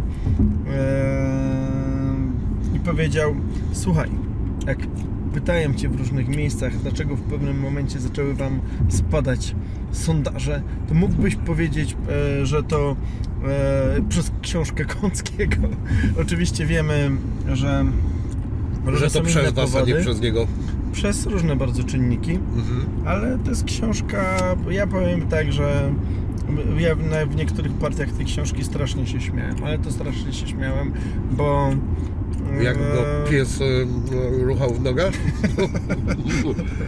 Korwina? e, Fox Terrier, Fox Terrier, e, Regularnie kopulował z nogą po słuchaj, Marcina. niech, ka- nie, niech każdy ma swoje fragmenty, które go cieszą i sobie wyobraża tam życiowo, że ty stoisz przy furtce, a tutaj pies gospodarza domu e, cię napada. Jak masz takie poczucie? Mnie inny e, fragment najbardziej e, cieszył, Mhm, a propos na przykład e, Ciebie, mhm. mm, że Ty podobno e, Pana Prezesa umiesz nieźle rozgrywać i że rozgrywa się go dosyć prostą metodą na e, mm, wrzucania mu tematów na odwrót. Czyli, że jak się chce, żeby on, e, Korwin-Mikke, pan Janusz Korwin-Mikke się nie e, e, odpalał za mocno, to się mu mówi, żeby się odpalił i on się wtedy nie odpala. Czy ty No. faktycznie byłeś taką osobą, która e, e, byłeś, może jesteś właściwie dalej, bo znowu jesteś e, w Teraz to już na szczęście nie jest potrzebne, ale był taki moment, w którym się mnie kiedyś zapytał Robert Winnicki, mówi jak ty to robiłeś, że sobie sam z nim dawałeś radę, a my w dziewięciu nie dajemy rady. No, Ja mówię, bo to dzięki mojej, mojemu przyjacielowi świętej pamięci posłowi Rafałowi Wójcikowskiemu. aha, Rafał Wójcikowski, e, który zginął tragicznie w wypadku jako młody chłopak, jadąc do telewizji jakiś rano, dał mi kiedyś książkę i mi powiedział Przemek, chciałbym, żebyś o czymś wiedział. Ja mam zespół Aspergera. I weź sobie przeczytaj tę książkę, to nam się dużo lepiej będzie komunikować. Przeczytałem tam książkę o zespole Aspergera i sobie pomyślałem, Boże, ja Janusz znam parę innych osób, ma- które mają Janusz tego Aspergera Aspergera, tak? i w określony sposób z nimi się trzeba komunikować. To jest super ważne. Takie rzeczy jak hiperlogiczność, przywiązywanie się bardzo mocno do znaczenia e, takiego wprost znaczą słowa, pomijanie czasami kontekstów, e, nie się, e, że to co mówisz może być bolesne albo trudne dla jednej osoby, bo ty sam byś się nie obraził o to, gdyby ktoś ci powiedział. Mówienie, jak to? Czemu nie się obraził? Przecież powiedziałem prawdę. Mhm. Prawda potrafi być bolesna. I są ludzie, którzy po prostu to mają, ich głowa pracuje inaczej. Ci ludzie są często świetnymi brydżystami, szachistami, matematykami, inżynierami, biznesmenami. Po- po- Potrafią być unikalni, Ale wybitni, fatalnymi świetni, politykami. Ale nie są to ludzie, którzy skradną innym e, serducho O! i rząd dusz. To nieprawda. Akurat e, Janusz Korwin-Mikke umie e, kraść serducha, natomiast polityk z niego Okej, okay, ale fatalny. serducho mówię w takim sensie, wiesz, no jako, jako polityk w roli polityka, tak? No i zacząłem sobie to czytać i mówię, cholera, to jest tak proste, prawie jak instrukcja obsługi telewizora. No, Ci ludzie na przykład e, mają bardzo duży problem z kłamaniem tak. i e, bardzo się będzie wił, żeby jak wymyślić, jak coś powiedzieć, żeby jak nie chce czegoś powiedzieć, żeby to nie było kłamstwo. Przepraszam. A jak się nazywa to e, słowo? E, Ja mam też e, tą Hmm? e, przypadłość. E, jak ono się nazywa? Właśnie ten e, człowiek, który ma problem z kłamaniem. Ma E, problem szczery. Jest takie słowo, jest taka. no, Nie, nie, nie, nie, nie, nie. To nie jest szczery prawomówny. To bo w ogóle można być i nieszczerym. E, Problem z kłamaniem? tak, jest takie jedno słowo, jak e, rozmawiałem e, z Korwinem, to e, on właśnie siebie nazwał w ten sposób. E, I e, jakoś na V jest takie jedno słowo. E, ja już je słyszałem kiedyś Nie wcześniej. E, Okej.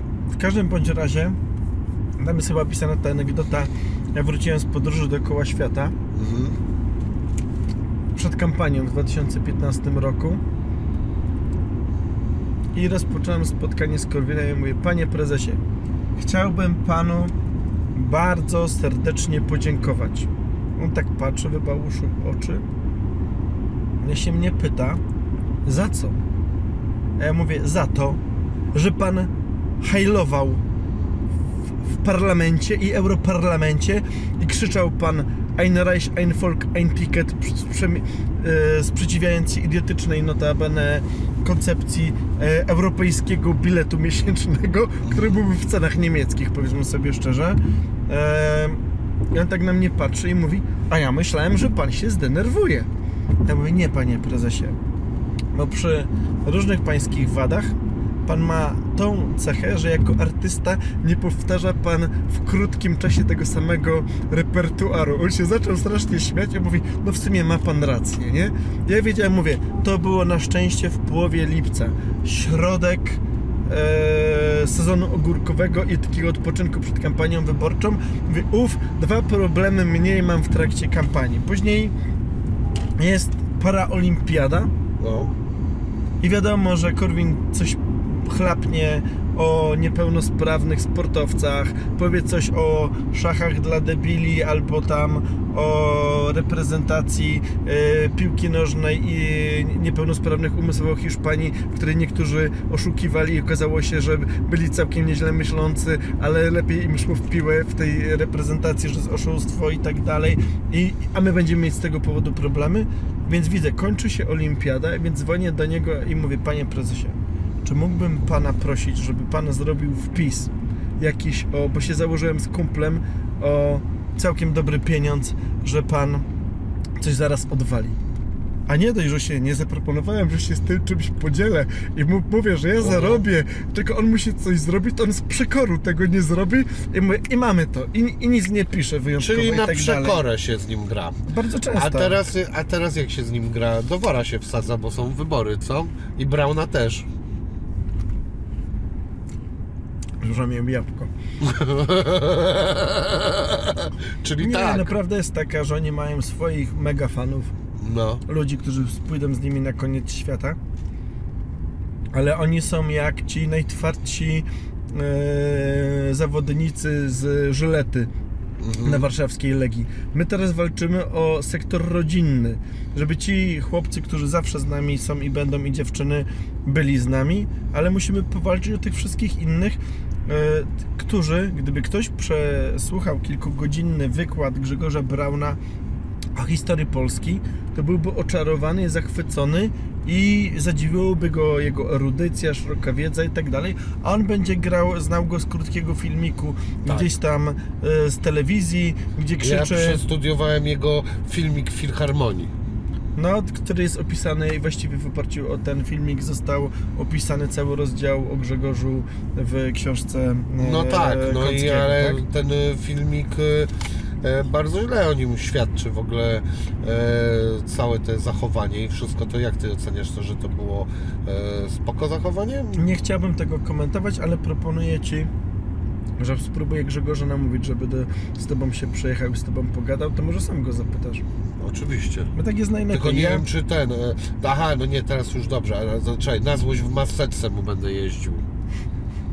Co, Ka- to- albo ty- mu założyć, bo, sobie- e, bo ten. No ale widzisz, to e, jest kwestia, w pewnych kwestiach był on bez wątpienia niezłomny No. i miał rację. I miał Ale co rację. miał rację, żeby w maseczce nie chodzić, jak była masowa pandemia? Badania są medyczne, prześlę Ci link No. e, z, z Lancetu, że maseczki nie pomagały, a często utrudniały. Były takim placebo i były dawały poczucie. ja ci powiem coś e, takiego. Ja rozmawiałem z całą masą e, tych, e, e, z całą masą mm, lekarzy bezpośrednio. Jakbyś miał ochotę potem wyrzucić tam, wrzuć sobie do tego, e, do drzwi. E, I e, no jakoś twierdzili na odwrót. No w ogóle e, Wiem. ten Brown niemal twierdził, że właściwie pandemii nie ma i e, no do dzisiaj to ci wszyscy lekarze, którzy mają na przykład Moja do dzisiaj, żona do ale chwili daj mi obecnej skończyć. nie ma Do- węchu. Do jak dzisiaj ci wszyscy e, lekarze, co na przykład w klinikach dalej się nosi czasami maseczki, to co, to wszystko durnie są, którzy nie Hmm. czytali e, badań właściwych? Nie, ale to jest też kwestia, ci, którzy teraz używają maseczek, to często z wielu innych powodów używają. Z uwagi na to, że pracujesz, no krótko mówiąc, są masz ograniczyć emisję określonych wirusów. Są, które drogą kropelkową się przenoszą, tak dalej. Nie Mhm. będę chodził teraz wykład, w wykład z nie swojej specjalizacji, ale y, okres pandemii to był okres, w którym w momencie zagrożenia sanitarnego podejmowano drakońskie ruchy, drakoński sposób ograniczający naszą wolność i odcięto na przykład setki tysięcy Polaków od służby zdrowia. Mamy No Wiesz, 200 ja tysięcy nadmiarowych żeby y, odcięli od służby 200 zdrowia. tysięcy, no, no, no tak, e, e, widzisz, ja znam historię, że człowiek miał zaplanowany, zaplanowaną operację serca, którą z uwagi na zagrożenie epidemiologiczne odwołano i zmarł. Mhm. No, Mamy ale co to 200 ma do- tysięcy, ale mamy co to 200 ma do tysięcy, ale on popisu bardzo ostro, nie mówię o filharmonii, ale w wielu innych miejscach on bardzo ostro protestował przeciw zamykaniu firm, przeciw no, egzekwowaniu przepisów, które niszczyły ludziom życie. No dobra, tak czy siak rozumiem, że e, teraz trochę przyciszyliście tych dwóch polityków, żeby jednak nie wkurzali e, masowo. Nawet to nie jest kwestia przyciszenia, ale to jest kwestia. Jak sobie zobaczy ktoś profile w mediach społecznościowych Grzegorza Brauna, jeździ po całym kraju, spotyka się z ludźmi, zaprasza na spotkania z sobą, wspiera kandydatów swojej partii na listach Konfederacji. No ale jakoś mniej się słyszy e, o nim, no szczególnie Ale to jest, to jest całkiem e, inaczej. Korwinie. My skupiliśmy się na dwóch liderach, Mhm. którzy wiemy, że ciągną mocno ten statek, który się nazywa Konfederacja, czyli na Sławomirze Mencenie i na Krzysztofie Bosaku. Słuchaj, a bo ja ci powiem tak, kiedyś słyszałem taką rzecz a propos e, e, was, ja się trochę z nią zgadzam, że jak się Mhm. posłucha tych różnych gospodarczych, e, waszych przekonań e, i tak dalej, to to można się odnieść do tego e, trochę mniej, bardziej negatywnie, ale to są rzeczy, które trochę e, mają e, sens i z, bardziej, mniej, też trzeba się bardziej znać. No, Ja do niektórych rzeczy miałbym pytanie, czy wy macie wszystko dobrze policzone na przykład. E, e, a kto to liczy? Na przykład ja, ludzie różni dla mnie. Okej. Mm, Ty jesteś ekonomistą? Studiowałem na SGH, nie skończyłem SGH, ponieważ poszedłem do pracy i wystarczyło mi, ale mam bardzo dużo, no można powiedzieć, myślę, że mam całkiem dobry kurs e, z, i po, mocno ponad podstawy z ekonomii zrobione, a ja współpracuję z ludźmi, którzy są doktorami, profesorami ekonomii. No Założyliśmy- dobrze, załóżmy, że e, te rzeczy są dobrze po... Ja nie umiem ich nawet zrewidować w żaden sposób. Ale e, ja rozmawiam też często z młodymi ludźmi, bo mam taką pracę. No, I e, ci młodzi ludzie mówią tak. I to ileś osób mi powiedziało. Oczywiście każdy ma jakieś swoje bańki, to nie- nie zrobiłem na jakiejś gigantycznej grupie e, e, sprawdzenia Jasne. ich poglądów. Natomiast oni mówią tak. Może ja bym myślał o Konfederacji, ale ich podejście do e, spraw e, takich e, społecznych jest dla mnie nieakceptowalne. Na przykład. E, Homofobia. No, No, krzyż ten, e, Sławomir Mencen, e, oglądałem program, na przykład gdzie? Chyba w kanale sportowym, no. no to no miał takie homofobiczne wypowiedzi. Ale co znaczy mieć homofobiczne wypowiedzi? Bo są takie puste hasła. Ja Ci powiem, co jest konkretem. My jesteśmy otwarci, jesteśmy gotowi w 100 dniach po wyborach wprowadzić cały pakiet ułatwień, Ja Ci powiem, co to znaczy dla e, życia. homosie tfu. To jest No, homofobiczna to jest- to jest- okej, no e, jest- wypowiedź e, no waszego lidera. na, na, założyciela. naszego, na naszego lidera Segara. Ojca założyciela. Ja odchodziłem, ja odchodziłem z polityki, bo miałem dosyć takich akcji. No ale przecież on tak To dalej nic, mówi. to nic nie wnosi, ale on w chwili obecnej ma status prezesa emeryta. No, Dalej prezesa. Ma, nie, jest prezesem honorowym. No dobrze, ale Bo to jest trochę to na takiej zasadzie jest trochę wuj, jak- dziadek oddaj firmę i no bo ja powiem tak, ja uważam, że na emeryturę powinni odejść, bo ją już pobierają i Tusk i Kaczyński i jestem gotów obiecać, że nasz prezes emeryt zresztą to nie zdradzę chyba jakiejś tajemnicy e, planuje kandydować na wiosnę do Parlamentu Europejskiego. On A, ma tam 80 ile? Pensję 81 będzie lat. odbierał. No jak wcześniej odbierał pensję, jak to w parlamencie europejskim. Przydymi co ma przydymić, pogada co ma pogadać. E, To jest ciało takim Pohajluje. charakterze. No mam Już nadzieję, minęło dużo czasu, się... także teraz już może. No właśnie, i to są takie rzeczy, ale z, z, z, zasadniczo to jest jasne, że nie on w chwili obecnej nada jakikolwiek kurs. Słuchaj, ale ja to muszę Ale to jest jasne, że to- że to- ja że to- mam ale poczucie no. waszej organizacji, że jesteście organizacją homofobiczną. Wyprowadź mnie proszę ciebie z... y, proszę mnie Ja albo mam- widzów. ja Czekaj, daj mam- mi tylko mhm. skończyć. Wyprowadź y, nas z tego poczucia, bo y, wasz prezes, to jest, y, można gadać, że to jest emeryt, że tamto się to założył waszą partię, moglibyście kontynuować inną myśl. Kontynuujecie tą myśl. Nie, no jest jak, to to, była... takie, przepraszam, to, jest, to, jest, to są trudne rzeczy. No bo ale właśnie gadamy teraz są- o trudnych, są- gadaliśmy do, o dużo miłych rzeczach. Są Jak widzisz, nie rzeczy. podszedłem tak, Jedna- wiesz, okej, jedno, to e, jednotorowo, Jasne. żeby od razu dojeżdżać, ale e, też są rzeczy, o których trzeba pogadać. Słuchaj, no, macie e, wizję e, Ma- organizacji homofobicznej. Nie, to czekaj, to powiedzmy sobie, bo mieszasz dwie rzeczy, ro- rozdzielmy sobie obu, pogadajmy. Pierwsza, nasz stosunek do Korwina.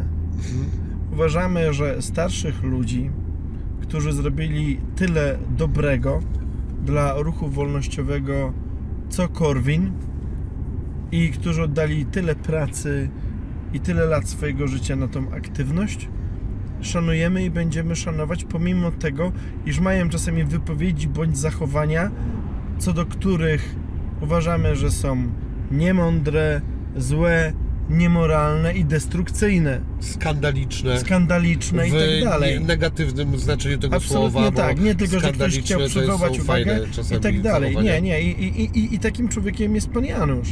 Ale pan Janusz jest w chwili obecnej, ja postanowiłem wrócę do polityki z tego powodu, że wracam nie do partii, która się nazywa Korwin, tylko do partii, która się nazywa Nowa Nadzieja, a jej literem jest Mencen. To jest duża, wielka zmiana dla mnie, że człowiek, który jest mądry, rozsądny i nie ma iluś obciążeń takich, których ma Janusz Korwin-Mikke, stał się twarzą tego projektu. Druga osoba, Krzysiek Bosak, to jest facet, który jest grzeczny, uprzejmy, erudyta, świetnie przygotowany i bardzo dobrze z szacunkiem traktuje swoich rozmówców podczas wystąpień publicznych, podczas debat, e, podczas programów telewizyjnych. Nawet ludzie, którzy go nie lubiają, tak mówią. Jak kilka dni temu był u Moniki Olejnik, to mi mówili wyborcy PO, ja jestem z innej bajki, ale ten wasz e, Bosak to jest kulturalny, fajny gość. I to jest wielka, wielka zmiana. Dla mnie forma jest ważna. Więc to jest kwestia szacunku dla starszych i miejsca, które ma Janusz Korwin-Mikke. Nie wyznacza kierunku, nie jest przywódcą, nie jest człowiekiem, który ciągnie, ale nie zepchniemy go z sanek, bo tyle zrobił dla tego ruchu, że on tam będzie, nawet jeżeli wywołuje wielkie problemy e, i awantury kompletnie niepotrzebne, psujące nam przekaz kampanijny. To jest pierwsza rzecz. Druga kwestia, rzekoma homofobia. Sławek Mencen ogłosił to publicznie i to jest do rozłożenia części pierwsze, że chcemy przygotować bardzo duży pakiet ułatwień w życiu, w konkretnych sprawach, które są ważne dla osób żyjących w związkach partnerskich, nieformalnych, nieważne czy heteroseksualnych, czy homoseksualnych. Jeżeli w chwili obecnej mamy podatek od spadków, który Mencen nazywa podatkiem gejowym, ponieważ najbliższa rodzina, dzieci i tak dalej nie płacą już w chwili obecnej spadku, podatku od spadków i darowizn. My go kiedyś nazywaliśmy podatkiem od wdów i sierot. Zapłaci go Czy nie zło załapałem, a czemu on go nazywa gejowym? Ponieważ w chwili obecnej, jeżeli e, ty masz żonę i masz dzieci, to twoja żona i dzieci nie zapłacą po tobie podatku od spadku. Jeżeli żyjesz w związku partnerskim, czy e, homoseksualnym, czy heteroseksualnym i twój partner, partnerka umrze, to wtedy masz, zapisze ci w testamencie swój majątek, to ty w chwili obecnej płacisz duży podatek od tego. My chcemy to znieść. Uh-huh. To jest co- ujawnienie. no okej, Masz testament, czyli, to jest pierwsza rzecz. e, dobra, Więc mówimy, krótko- znosimy podatek od gejów. To jest pierwszy konkret. Drugi konkret. Od gejów. Chcemy. No, ale to, ma, to, przepraszam. No, Potocznie zabrzmiało to no, no, no, lekko ale, homofobicznie. ale jak mamy powiedzieć? No, te, termin. Ja myślę, że gej jest terminem ultraneutralnym i tak dalej. Nie, e, to gej to nie jest w ogóle żadne negatywne słowo. No, to- to- to- to powiedziałem dlaczego, no? podatek od gejów. To No. brzmi podatek od bycia gejem. No tak. E, no okej. Ale no, w tym przypadku nie mogą po sobie płacą podatek, jeżeli jeden chce drugiemu swój e, No, słuchaj, to akurat ta sytuacja Drugi y, może case. dotyczyć y, również osób No heteroseksualnych. i dlatego, więc, dlatego y, to powiedziałem, co to ale... mają geje do tego? o- a, widzisz, bo to jest kwestia, żeby wyostrzyć hello. Wy mówicie, że my jesteśmy homofobami, a ci daję konkretny przykład, że nie. Oczywiście, wszyscy na tym skorzystają Ja i tak nawet dalej. tego nie powiedziałem. Ja postawiłem tezę i się zapytałem, żebyś to I wytłumaczył. wytłumaczyłem. Jesteś Kolejna homofobem? Nie. Nie. Nie E, jestem. Twoje dzieci mam, mam mają... przyjaciół, e, mam, mam przyjaciół, mam znajomych, dobrych znajomych i mam przyjazne stosunki z osobami, o których wiem, że są homoseksualne. Okej.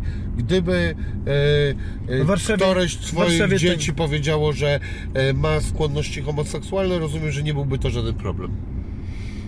E, to jest zawsze problem z jednego podstawowego powodu. Mhm. I, e, ja uważam, że dosyć naturalne na poziomie antropologicznym, psychologicznym jest to, że chcesz dalej przekazać geny i że Mhm. chcesz mieć wnuki. Marzeniem każdego ojca co jest bycie dziadkiem. Że każdego. Mnie. Ja, y, prawie każdy Nie zna każdego, mi ojciec, ale ale, prawie. wielu, no. prawie. To jest będzie. mega, mega powszechne. Dobra, Tak samo zrozumiałem. i, z- i na z, tego, tym z tego powodu. Dobra, a, ale nie z powodu wstydu, czy nie wiadomo czego, tak? Bym się zastanawiał, z czego to wynika, dlaczego i No tak nie wiem, dalej. bo się takie no. urodziły, no chyba tak się zostaje gejem głównie.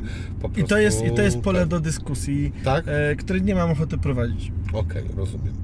Eee, czyli... Czy to jest e, kwestia preferencji, czy kształtowanych na poziomie jakichś doświadczeń życiowych? No nie wiem, ja słyszałem tak bardzo dalej, no. dużo jednak o tym, że to jest genetyka, ale rozumiem, Są że... też i badania naukowe w tym zakresie, jest w tym zakresie polemika. No rozumiem. Eee, jeszcze Kolejna taka rzecz. E, Rejestr na przykład osób uprawnionych do dostępu do Twoich danych y, medycznych. Prowadzimy taki rejestr, y, który będzie prowadzony u notariuszy. Będziesz miał wypis takiego rejestru. Twoja bliska osoba, Twój partner, partnerka e, wyląduje w szpitalu. Chcesz zapytać o stan zdrowia, zaangażować się, No masz tak. pełnomocnictwo w tym zakresie, możesz. To są konkretne rzeczy, które mają sprawić, a rzecz, która jest dla nas barierą, to jest kwestia tak naprawdę adopcji dzieci przez pary A jednopłciowe. właśnie. No i e, wiesz co? I to jest ciekawy temat do dyskusji. Tak? Tak. Powiem Ci Dlaczego? dlaczego. Dlatego, że ja na przykład miałem przez większość życia Mhm. e, stosunek, e, podejrzewam, że taki jak Ty, No. czyli negatywny. Że jednopłciowe pary nie powinny mieć dzieci. Mhm. I zmieniłem moje zdanie. Powiem Dlaczego? Ci dlaczego. Z powodu Kory. Mhm. Kora kiedyś powiedziała tak.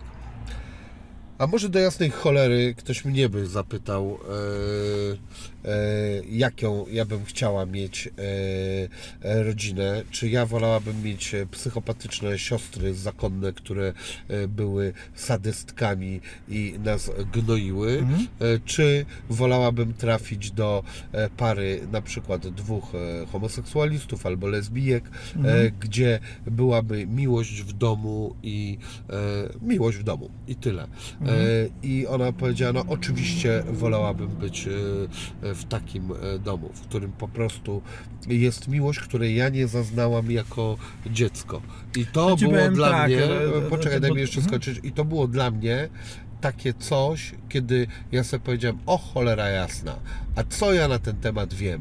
Przecież ja się urodziłem w domu, w którym jest ojciec, matka i e, Mhm. i co ja mogę o tym mówić? To jest ktoś, kto ma e, naprawdę coś do powiedzenia. Co powiesz, e, co powiedziałbyś Korze, której oczywiście już nie ma e, tutaj z nami, ale Wiesz, to, jest, takim to, ludziom. jest, to jest bardzo nieuczciwe takie zestawienie. Jest wiele osób, które miały ciepło i zaznały bardzo wiele dobroci takich instytucjach właśnie jak Ależ domy dziecka ależ oczywiście. Znam też taką osobę. tak dalej, tak? Znam taką osobę to też, zdaniem która powiedziała, że miała tam absolutną miłość. To Ale jasne- mówimy teraz o to takiej jest jasne, sytuacji. to jest jasna, to jest jasna rzecz, że argumenty, które są przeciwne i za, są argumenty dotyczące potencjalnych nadużyć Mhm. o charakterze powiedzmy wprost pedofilskim, nie? I to jest kwestia w obu przypadkach, e, w każdym przypadku to jest to, przed czym chcemy e, chronić dzieciaki, a, ale w O chwili, kurde, ale, znowu jesteśmy na e, trudnym temacie. Dlaczego? No stary, no pedofilia, no i wasz e, znowu e, ojciec założyciel i jego słowa. e, Wolałbym e, mały, drobny, pedofilski akt wobec mojej Nie, córki. nie, nie, nie, ale nie mówimy o, o, nie mówimy o, wyko, o wykorzystaniu seksualnym, ale, ale, Ale czekaj, słyszałem te słowa i oglądałem je dokładnie, bo jak usłyszałem kiedyś ten jego super news, to pomyślałem sobie wtedy tak. E, o kurde, nie, on tego nie powiedział i to jest wyciągnięte z kontekstu i to jest nieprawda. Obejrzałem całą tę rozmowę i on to powiedział. To jest, powiedział to, to jest że potwornie złe, głupie i niewytłumaczalne. A powiedział to. No, dlatego nigdy bym na niego nie zagłosował. Na Korwina Mikke. Tak. tak.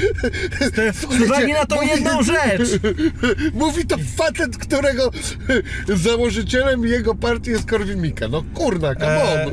Trzeba było inną ją- partię założyć, Zakładał no. ją razem ze mną. Wiem, jeszcze, Ale pewne no. rzeczy wydarzyły się po drodze i patrzysz coś takiego. No to jest wybory, tekst, ale, on że- pot, ale on coś takiego potrafił powiedzieć kilka dni przed wyborami prezydenckimi. No. To on wtedy nie szkodzi 900 kilkudziesięciu innym mniej lub bardziej fajnym ludziom, ale sam sobie przede wszystkim. E, Zero instant jakby postanowiłem spłonąć i zginąć, albo w ogóle nie rozumiem, jak to zostanie przyjęte, tak? To, No. są, to są takie rzeczy, które są kulturowe. Są kulturowe. No ale to y, wiesz, Polskie królowe No, w wieku lat nastu rodziły dzieci. No dobra, I ale to tak czekaj. dalej. Ja jestem prawnikiem. Pedofilię u, usprawiedliwiasz? Nie, no? kompletnie, kompletnie nie, ale ja mam, jestem ojcem trzech, trzech córek, No wiemy. z których najstarsza ma 17 lat, a najmłodsza w chwili obecnej, no cholera, w przypadku każdej, ja bym, że tak powiem, e, no A to, są, co? to, to jest a, mam do ciebie tak, a mam do Ciebie takie pytanie, e, No. ale e, ten, gdybyś ktoś zmolestowałby Twoją e, córkę, e, No. Twoje dziecko, No. e, pedofil, No. e, sam na sam byś dorwał tą osobę gdzieś, Odjebałbym, odjebałbyś. przepraszam. No. Nie potrafię inaczej, nie wiem jakbym się zachował, musiałbym mnie powstrzymywać. Okej. To są dla mnie rzeczy takie y, na, najwyżej w, A jesteś za na liście śmierci? możliwych. No jako Byłem, to pewnie byłem, jesteś. byłem za przez kawał czasu. Uważam, że kara śmierci w takich warunkach, na przykład jak wojna, zdrada w trakcie wojny, ona jest faktycznie wykonywana, więc powinna być zalegalizowana, tak? To są takie case'y, ale w warunkach takich jak mamy tu i teraz, przy moim zaufaniu do wymiaru sprawiedliwości, które jest takie, Mhm. to wolałbym i po, poza tym powiem tak, e, dla takich ludzi, którzy zasługiwaliby na karę śmierci, to bezwzględne, twarde e, więzienie dożywotnie jest ok, ale nie jest ok to, że w chwili obecnej uważa się, że nie może być dożywocia, że każdy musi mieć szansę, że po 25 latach maks każdy musi wyjść. I to ci mówię jako człowiek, który był jednym z trzech w Sejmie polskim, którzy zagłosowali przeciw tak zwanej ustawie o bestiach. Wiesz, jest ustawa o bestiach? No podejrzewam, że... Nie, Okazało nie się, że nie ma kary śmierci i Mhm. kończą się wyroki zwyrodnialcom, A, okej. takim jak niejaki Trynkiewicz. Mhm. I że oni będą e, sobie wychodzić z więzienia. Więc nagle wyjmujemy go z więzienia i zamykamy w ośrodku ala psychuszka sowiecka, gdzieś tam na północnym Mazowszu i go trzymamy dożywotnio, bo może stworzyć wiem, zagrożenie. To, tak. I Mój to w moim rozumieniu- w tramwaju, wyobrażasz sobie? Wyobrażam sobie. Bo- Jechał w tramwaju on- i facet e, stał koło niego. On mówi, nie wiedział co zrobić. Morderca, pedofil Mhm. wychodzi. Wychodzi. Bo takie były przepisy. Tak? Mhm. Bo takie były przepisy. I, I to są takie momenty, którzy ludzie mówią, okej, to w sumie mu się skończył wyrok, ale trzymajmy go nadal w takim więzieniu, para No tak, więzieniu. no. no. i widzisz, ale to jest kwestia w tym momencie dla mnie, ja uważam, No że prawo powinno być prawem. Nadpisywania prawa. Dokładnie, z nad- mocą wsteczną, łamanie wszystkich. No, tak, prawo no, nie działa szuk- wstecz, mówi polska konstytucja. No tak, ale to jest szukanie wyjścia. O tak bym to no nazwał. szukają wyjścia, no to jest konsensus, zamknijmy chłopów, a którym wcześniej ktoś dał za krótki wyrok. A takie sytuacje, ich będzie dużo, one będą narastały. Co ważniejsze, my jesteśmy w przeddzień czegoś, co się, albo w pierwszym e, etapie czegoś, co się zaczyna, co się nazywa wojną kulturową, wojną cywilizacyjną. Nie kościół kontra świeckość, postęp kontra konserwatyzm, No. ale żyjemy w momencie, w którym będzie dramatycznie narastało presja, żeby wpuścić tutaj do tej Dobra, o względnej. teraz. No tak, mówimy o, mówimy o tym. Uciekamy z pedofilii Korwina w stronę emigracji. E, No, ja kurde, uważam, że no. w tym temacie nic, nic mądrego, No ani ty, sensownego, przepraszam, ani za- ostrzejszego niż powiedziałem się nie da Dobra, powiedzieć. zamykniemy ten temat tylko jednym, ten słyszałeś teraz tą ostatnią aferę? Którą z youtuberami No tak, tak, no. Słuchaj, jak mnie e, się dowiedziałem, że mam jeździć z tobą, to się zapytałem, czy wprost powinienem zapytać, czy korespondujesz z 14-latkami, czy nie. Naprawdę? Tak, a, to ty powiesz, tak na wszelki wypadek, żeby ktoś mi nie powiedział Wipner, a ty z nim jeździłeś teraz, i tak dalej. ale to teraz, e, I co? e, ale to teraz, no nic, no to jest tak jakbyś powiedział, że ziemianin to jest słowo, e, które e, tak samo opisuje e, Adolfa Hitlera jak ciebie, no tak jest. Nie, E, nie, nie, wiesz o, o, o, do, do czego ja, ja Słuchaj, piję, no. powiem ci tak, no ale to... Nie chciałem cię obrazić, e, to Lekko obraziłeś, ale Przepraszam. proszę. E, Natomiast e, powiem ci w ten sposób. Ja miałem podobne podejście kiedyś Mhm. i dla mnie youtuber to było słowo wręcz obraźliwe. Nie, nie. Ale, tego, ale nie, no powiem ci dlaczego. Myślę, że Dlatego, TikTokerem, to że, wiesz, no nie, ale TikTokerzy też robią super rzeczy aktualnie. Tak. E, moja e, e, koleżanka Monika Saniewska na przykład e, o, mówi o pewnych e, rzeczach związanych ze zdrowiem na Mhm. TikToku i Mhm. ostatnio rozmawialiśmy o tym, że by robiła tego więcej i ona e, się zajmuje diabetyką, e, dietetyką e, i ma dużo do powiedzenia na ten temat, że na przykład przy danym sytuacji zrób takie, a takie badania, więc e, e, to już nie jest to, że tylko Jasne. głupoty tam ludzie robią. Robią całą masę Ja świetnych rzeczy. podziwiam, no ja, podziwiam, ja podziwiam wielu youtuberów. Ja sam 8 lat temu jako szef kampanii e, byłem jednym z pierwszych gości, który youtuberów ściągał na listy. Partii Mhm. Korwin notabene. Chłopaka, który teraz jest bardzo krytyczny wobec nas, ale którego ja nadal bardzo, bardzo lubię. Jak się Mówię, nazywa? mówię o koledze Atorze. Okej, nie Tak. Ator, Ator on się, bo on się zajmuje właśnie komentator, Ator, on się zajmuje O. właśnie komentarzem różnych rzeczy politycznych, tak? Mhm. E, on wtedy był taki w miarę popularny i, e, i on był jednym z pierwszych osób, które mnie namawiały, żeby zająć się poważnie różnymi problemami związanymi właśnie z patostreamerką, e, właśnie z jakimś takim pato, pa, no, patologiami, które już wtedy Ale tam w tamtym przypadku, e, o którym teraz mówimy, to to nie ma nic wspólnego z e, pato... patostreamingiem. e, nie, Tak, z bo wykorzystaniem przez celebrytę pozycji. Tak, on by mógł być e, youtuberem, Pies- mógłby być piosenkarzem, mógłby być tak. księdzem, mógłby być politykiem, mógłby być e, kimkolwiek, albo na przykład Słynnym, aptekarzem e, również nieznanym na przykład. I Rozumiemy, drama polega na tym, że to byli ludzie, którzy są znani właśnie z tego, że byli mega popularni w kanale YouTube, mieli e, wiele wyświetleń, fanów, tak dalej, no wokół siebie tworzyli e, fanklub, tak? Tak właśnie przy show biznesie, no. No akurat tam była ten case, że e, ich też e, oglądały te dzieciaki i oni z tymi dzieciakami mieli e, du, dużo wspólnego. Znaczy ja nie wiem de facto, bo tam jest e, chyba jedna główna osoba, nie wiem, tam jeszcze chyba Jasne. jacyś inni też się znaleźli. No. No dobra, słuchaj, no to ustaliliśmy, że no, ojciec założyciel potrafi powiedzieć rzeczy jakieś po prostu nieprawdopodobne i e, przejdźmy do tej e, tematu e, emigracji, do którego sam chciałeś przejść. Słuchaj, czy tak podchodząc wolnościowo do życia w ogóle, to trochę nie jest tak, że a może fajnie by było, żeby ktoś mógł sobie wybrać e, miejsce, w którym chce żyć, no bo e, wiesz co, urodziliśmy się tu, to jest jakby rzecz, którą zakładamy, że nie wybraliśmy, chyba że założymy jakąś wersję, że reinkarnacji byliśmy w niebie i tam w kolejce mówili, gdzie się rodzisz w Polsce i ktoś powiedział, że w Afryce, a tam mu powiedzieli, słuchaj, ale tam naprawdę będzie ciężko, za ciepło i w ogóle do dupy się będzie, nie, ja tam chcę nie narzekaj, żyć. Nie narzekaj, ciesz się, że nie reinkarnujesz jako świerszcz, rozumiesz, nie? Na przykład e, e, zaraz zjedzony przez żabę, powiedzmy, tak, i jeszcze rozkładany długo w jej organizmie. Ale e, e,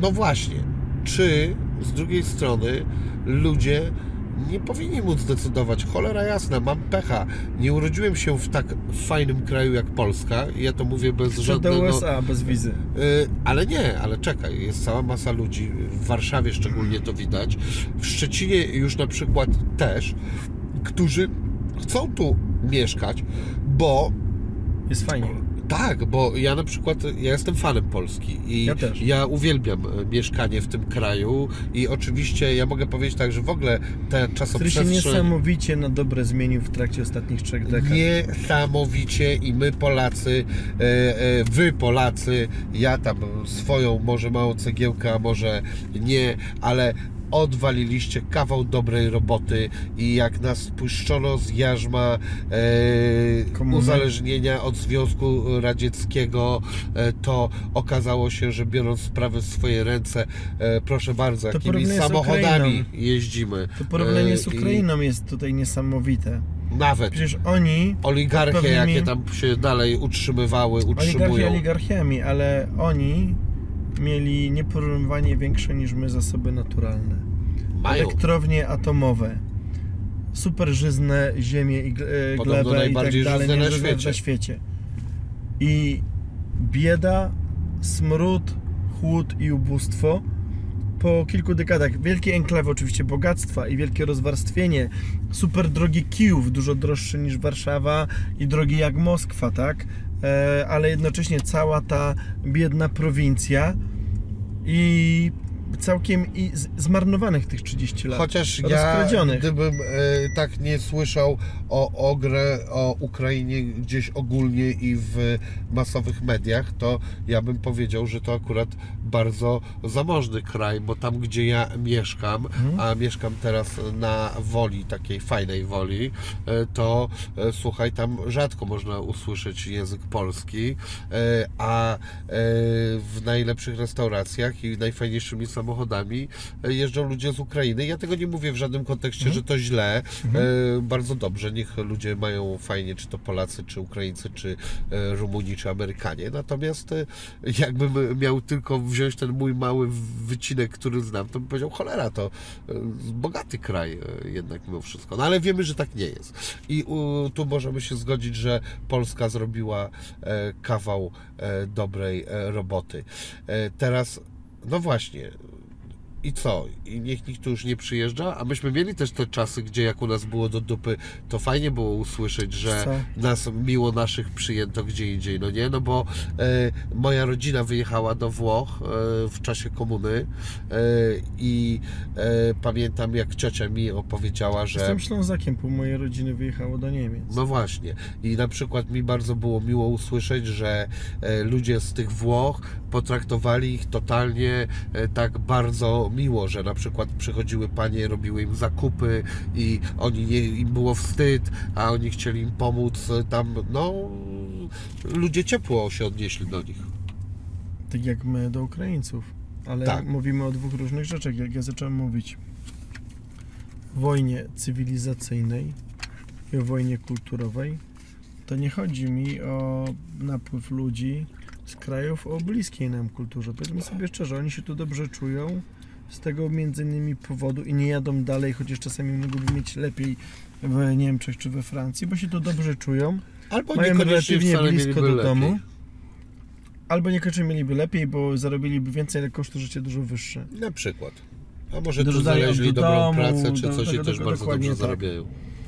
I my nie mamy problemu z tym, że przyjechali do nas ludzie, czy przyjeżdżają z Ukrainy.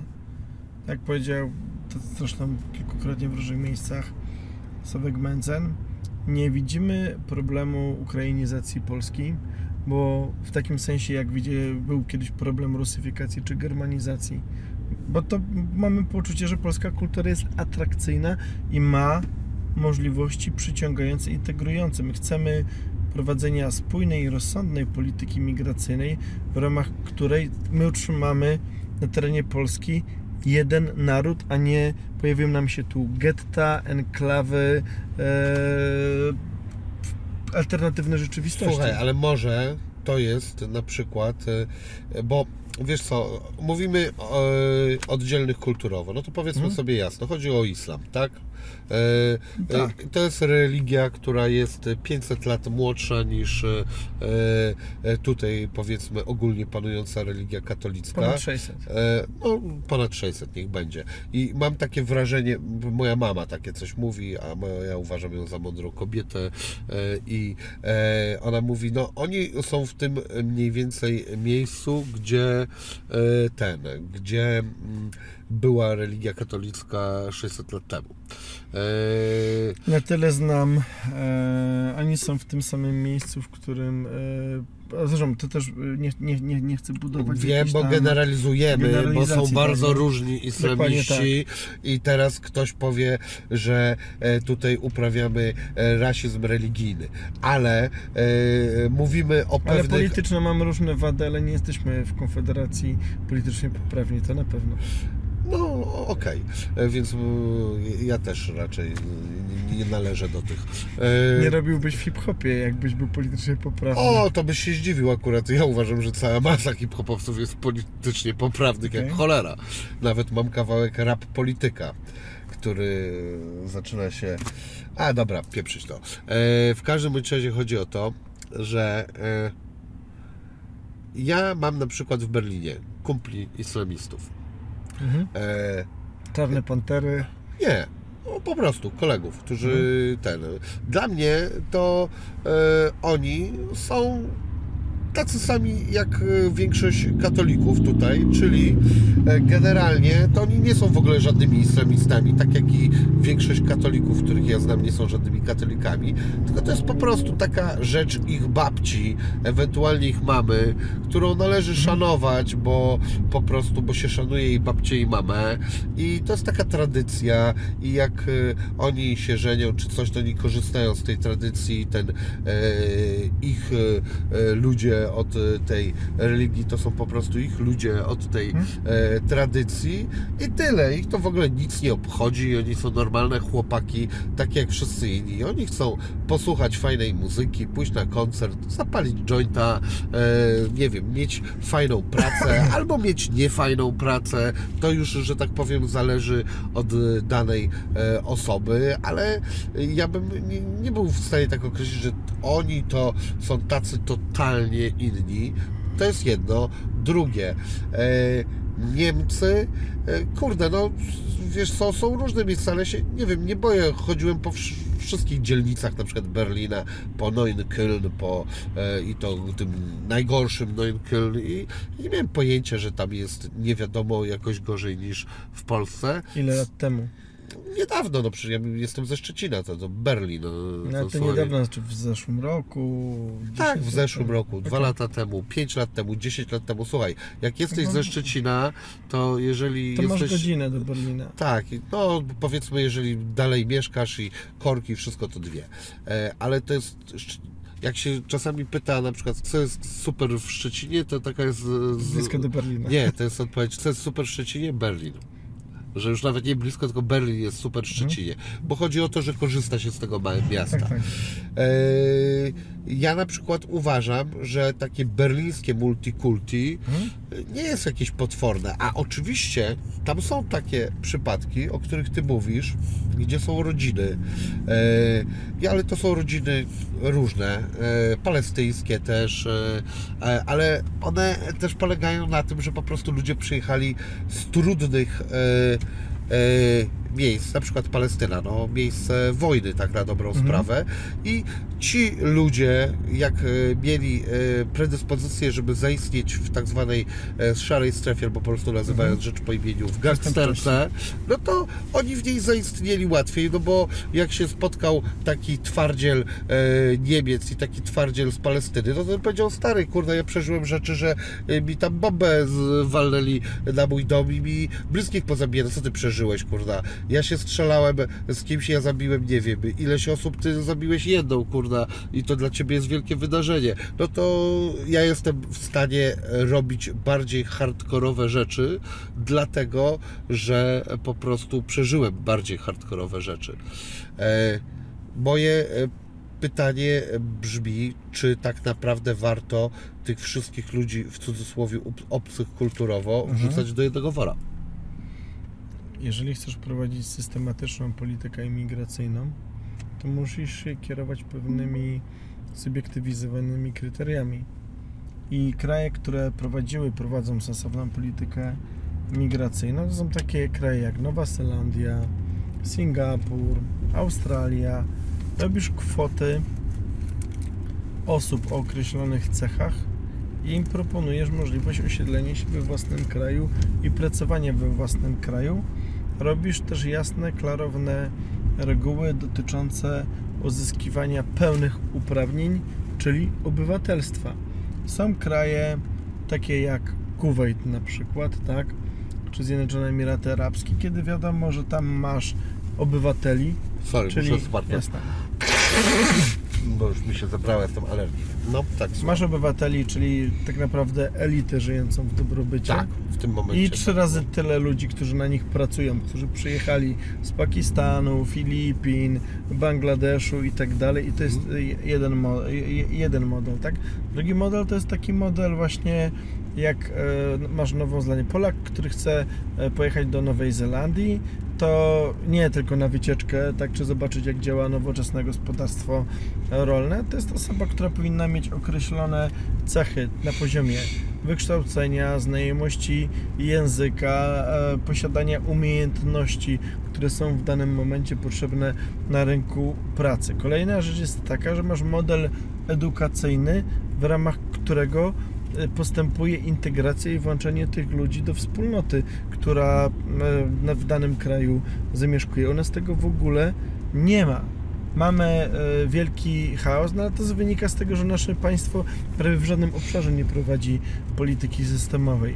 I zbudowanie polityki migracyjnej jest jednym z największych wyzwań z tego powodu właśnie, że w Polsce nie rodzą się dzieciaki, że ludzie nie mają dzieci i że jest jasne, że jak będziemy mieć naród starców, Mhm. babci i dziadków, bardzo nieliczną młodą populację, tak tu się coś zwali, to zostaniemy zasiedleni przez ludzi, którzy w pewnym momencie mogą powiedzieć, ale to nie jest moja babcia, to nie jest mój dziadek, ja na nich nie będę płacić i wtedy będzie dopiero katastrofa.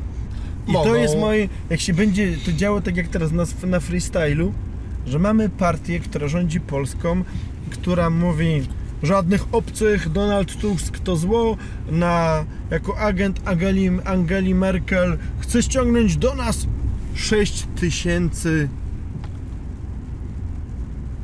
uchodźców. No tak, a, A sami, sami- sprzedają. e, A sami w Warszawie mamy w chwili obecnej ponad 20 tysięcy osób, które jeżdżą na taksi i przewozi osób. Z tego 12-13 tysięcy osób to są ludzie z Bangladeszu, Mhm. Pakistanu, Gruzji. Kiedyś byli z Ukrainy, teraz prawie nie ma na Uberze Ukraińców. Nie, są też. Prawie nie ma. Mhm. Są, ale prawie nie ma. Najczęściej jak do mnie ktoś przyjdzie, to jest Mohammad, Ibrahim, Fazir i tak dalej. E, Jeżdżę często, naprawdę. Ja też. E, Zaraz możemy E, zrobić test i zobaczymy, jakie imię będzie miał chłop, który po nas przyjedzie. No, może i się tak dalej. zdarzyć akurat y, dla śmiechu, że będzie Tomek miał na imię, ale. Ej, słuchaj, e, e, powiem tak. E, telefon ci oddam albo na cele charytatywne, jak trafimy na Tomka. Nie będzie Ostatnio to Tomek. Okej, E, chyba że bierzesz ja właśnie e, tą wersję ultra premium, e, tak dalej. Nie, zwy, te nie zwykłą. Okej. Nie, zwykłą. E, Okej. Był akurat Polak. e, I było też- to wydarzenie, mogłeś powiedzieć. O, dzie- tak, Kiedyś to był standard, nawet ludzie, którzy mają całkiem niezłe pieniądze. e, Nie wiem, znałem gościa prawnika, który nie mógł spać w nocy, to jeździł na Uberze. Okej. No. Ale to się, to się Ale-. I, ci ludzie przyjechali tutaj i jeżdżą. Mhm. Dwa razy więcej ludzi jeździ niż ten zły Tusk miał e, przyjąć e, e, w ramach tej realokacji. Dwa razy więcej takich obcokrajowców teraz w Warszawie jeździ na taksówkach bez fundamentalnych wymogów, które mieli taksówkarze. Czyli bez wymogu, nie mówię tam znajomości topografii czy języka polskiego, ale bez wymogu niekaralności. Wiesz, ile w zeszłym roku było w Warszawie gwałtów? Nie, nie 470. I to dramatycznie rośnie. Okej, e, czy wszystkim. e, I czy aktów większy- seksualnych. Większość e, tych gwałtów było spowodowane przez osoby e, właśnie obco, obcekulturowo? Tak. Tak? Ej, to są dane, Jakie? których policja... Jak ile? Zdecydowana większość. Okej, ponad połowa, tak? Tak. Gdzie można Tak. te dane sprawdzić? Z policji wyjąć. Ale policja ci powie, że to są dane operacyjne i nie będzie... Mogę obiecać, że jako poseł No. Wyciągnę te dane. Bo jednym z naszych postulatów to jest przywrócenie tak fundamentalnej rzeczy, jak zaświadczenie o niekaralności osoby, która Jak jeździ mówiłem, że będę z Tobą rozmawiał, to mi powiedzieli, żebyś się powoływał na dane, których nie można łatwo wyciągnąć. Tak E, powiedział. mogę, mogę powiedzieć tak, że rozmawiałem z dziennikarzem e, jednej z największych gazet w Polsce w dniu wczorajszym i on te dane mi podawał i on mi o tym mówił, który ma całkiem inne w tych obszarach e, poglądy niż ja. Okej. E, Jak A przestaniemy słuchaj- jeździć, to ci powiem kto. Okej. A p- słuchaj, a takie na przykład, co, a co powiesz na to? Obcykulturowo. No. A ja na przykład bym przewidział, że przyszłość e, taką gangsterska, z, nawet zorganizowana, będzie należała w najbliższych, nie wiem, pięciu latach Do? do Ukraińców. Już teraz należy do Ukraińców i do Gruzinów. Okej. A wiesz dlaczego? Bo ja tak mówię. Plus mam, żołnierze, tak, no, trauma, ludzie z PTSD, z Ale w ogóle- syndromem A pourazowym. druga rzecz, jak oni są wyszkoleni. Przecież e, porównywalny e, człowiek, powiedzmy o porównywalnych cechach charakteru, który. E, który przeżył piekło i nie boi się piekła. tak, ale i jeszcze, ale chodzi o I to, że na przykład. broni. Tak, a Polak. jest organizowany, a działa taki sam, hierarchicznie. tak, jest wyszkolony przez najlepszych żołnierzy na świecie. Jak w ogóle porównać jego umiejętności do na przykład gangstera, nie wiem, z Mokotowa czy z jakiejś dzielnicy To Warszawy? są tutaj po prostu tak. nieudolne dzieciaki. Ci, którzy są w Polsce w porównaniu z tamtymi gośćmi. No tamci to są tacy zawodowcy najwyższej klasy, I teraz, i teraz, mogą to, być. teraz to, Więc nara, my nie to narasta. To jest historia sprzed, nie wiem, dwóch czy trzech miesięcy, gdy na placu Zbawiciela, słynnym Zbawiksie, e, Gruzin podciął gardło polskiemu taksówkarzowi, ponieważ w chwili obecnej trwa przejmowanie miejsc parkingowych dla taksówek przez tych ludzi, którzy organizują Uberowców, tak? Mówię umownie Uberowców, bo to dotyczy również Bolta i No innych tam wiadomo, aplikacji, tam, tak? tak. To jest tak, że jeden kierowca jeździ na kilku aplikacjach, e, ale, e, ale i jeździ jednym samochodem, jeździ trzech, Bo jeździ 24 godziny na dobę ten samochód, a co najmniej dwóch, a często trzech. Tak, 8 godzin, 8 godzin, 8 godzin, że ten jeden samochód jeździ całą dobę, ta przysłowiowa tam Skoda Fabia e, i ci ludzie zaczęli być organizowani, były kiedyś takie spółdzielnie, ja, ma, ja mam kolegów prawników, że kasę, którą zarabiali, to uznali, że w pewnym momencie lepiej niż kupować kolejne mieszkania, to jest kupować, wyleasingować samochody, bo mam działalność gospodarczą, mam zdolność kredytową, to wyleasinguję sobie samochód i go wystawię ludziom, którzy będą jeździli na tym moim samochodzie na bór. Później drugi, trzeci, czwarty, piąty, w pewnym momencie miał 15 takich skut.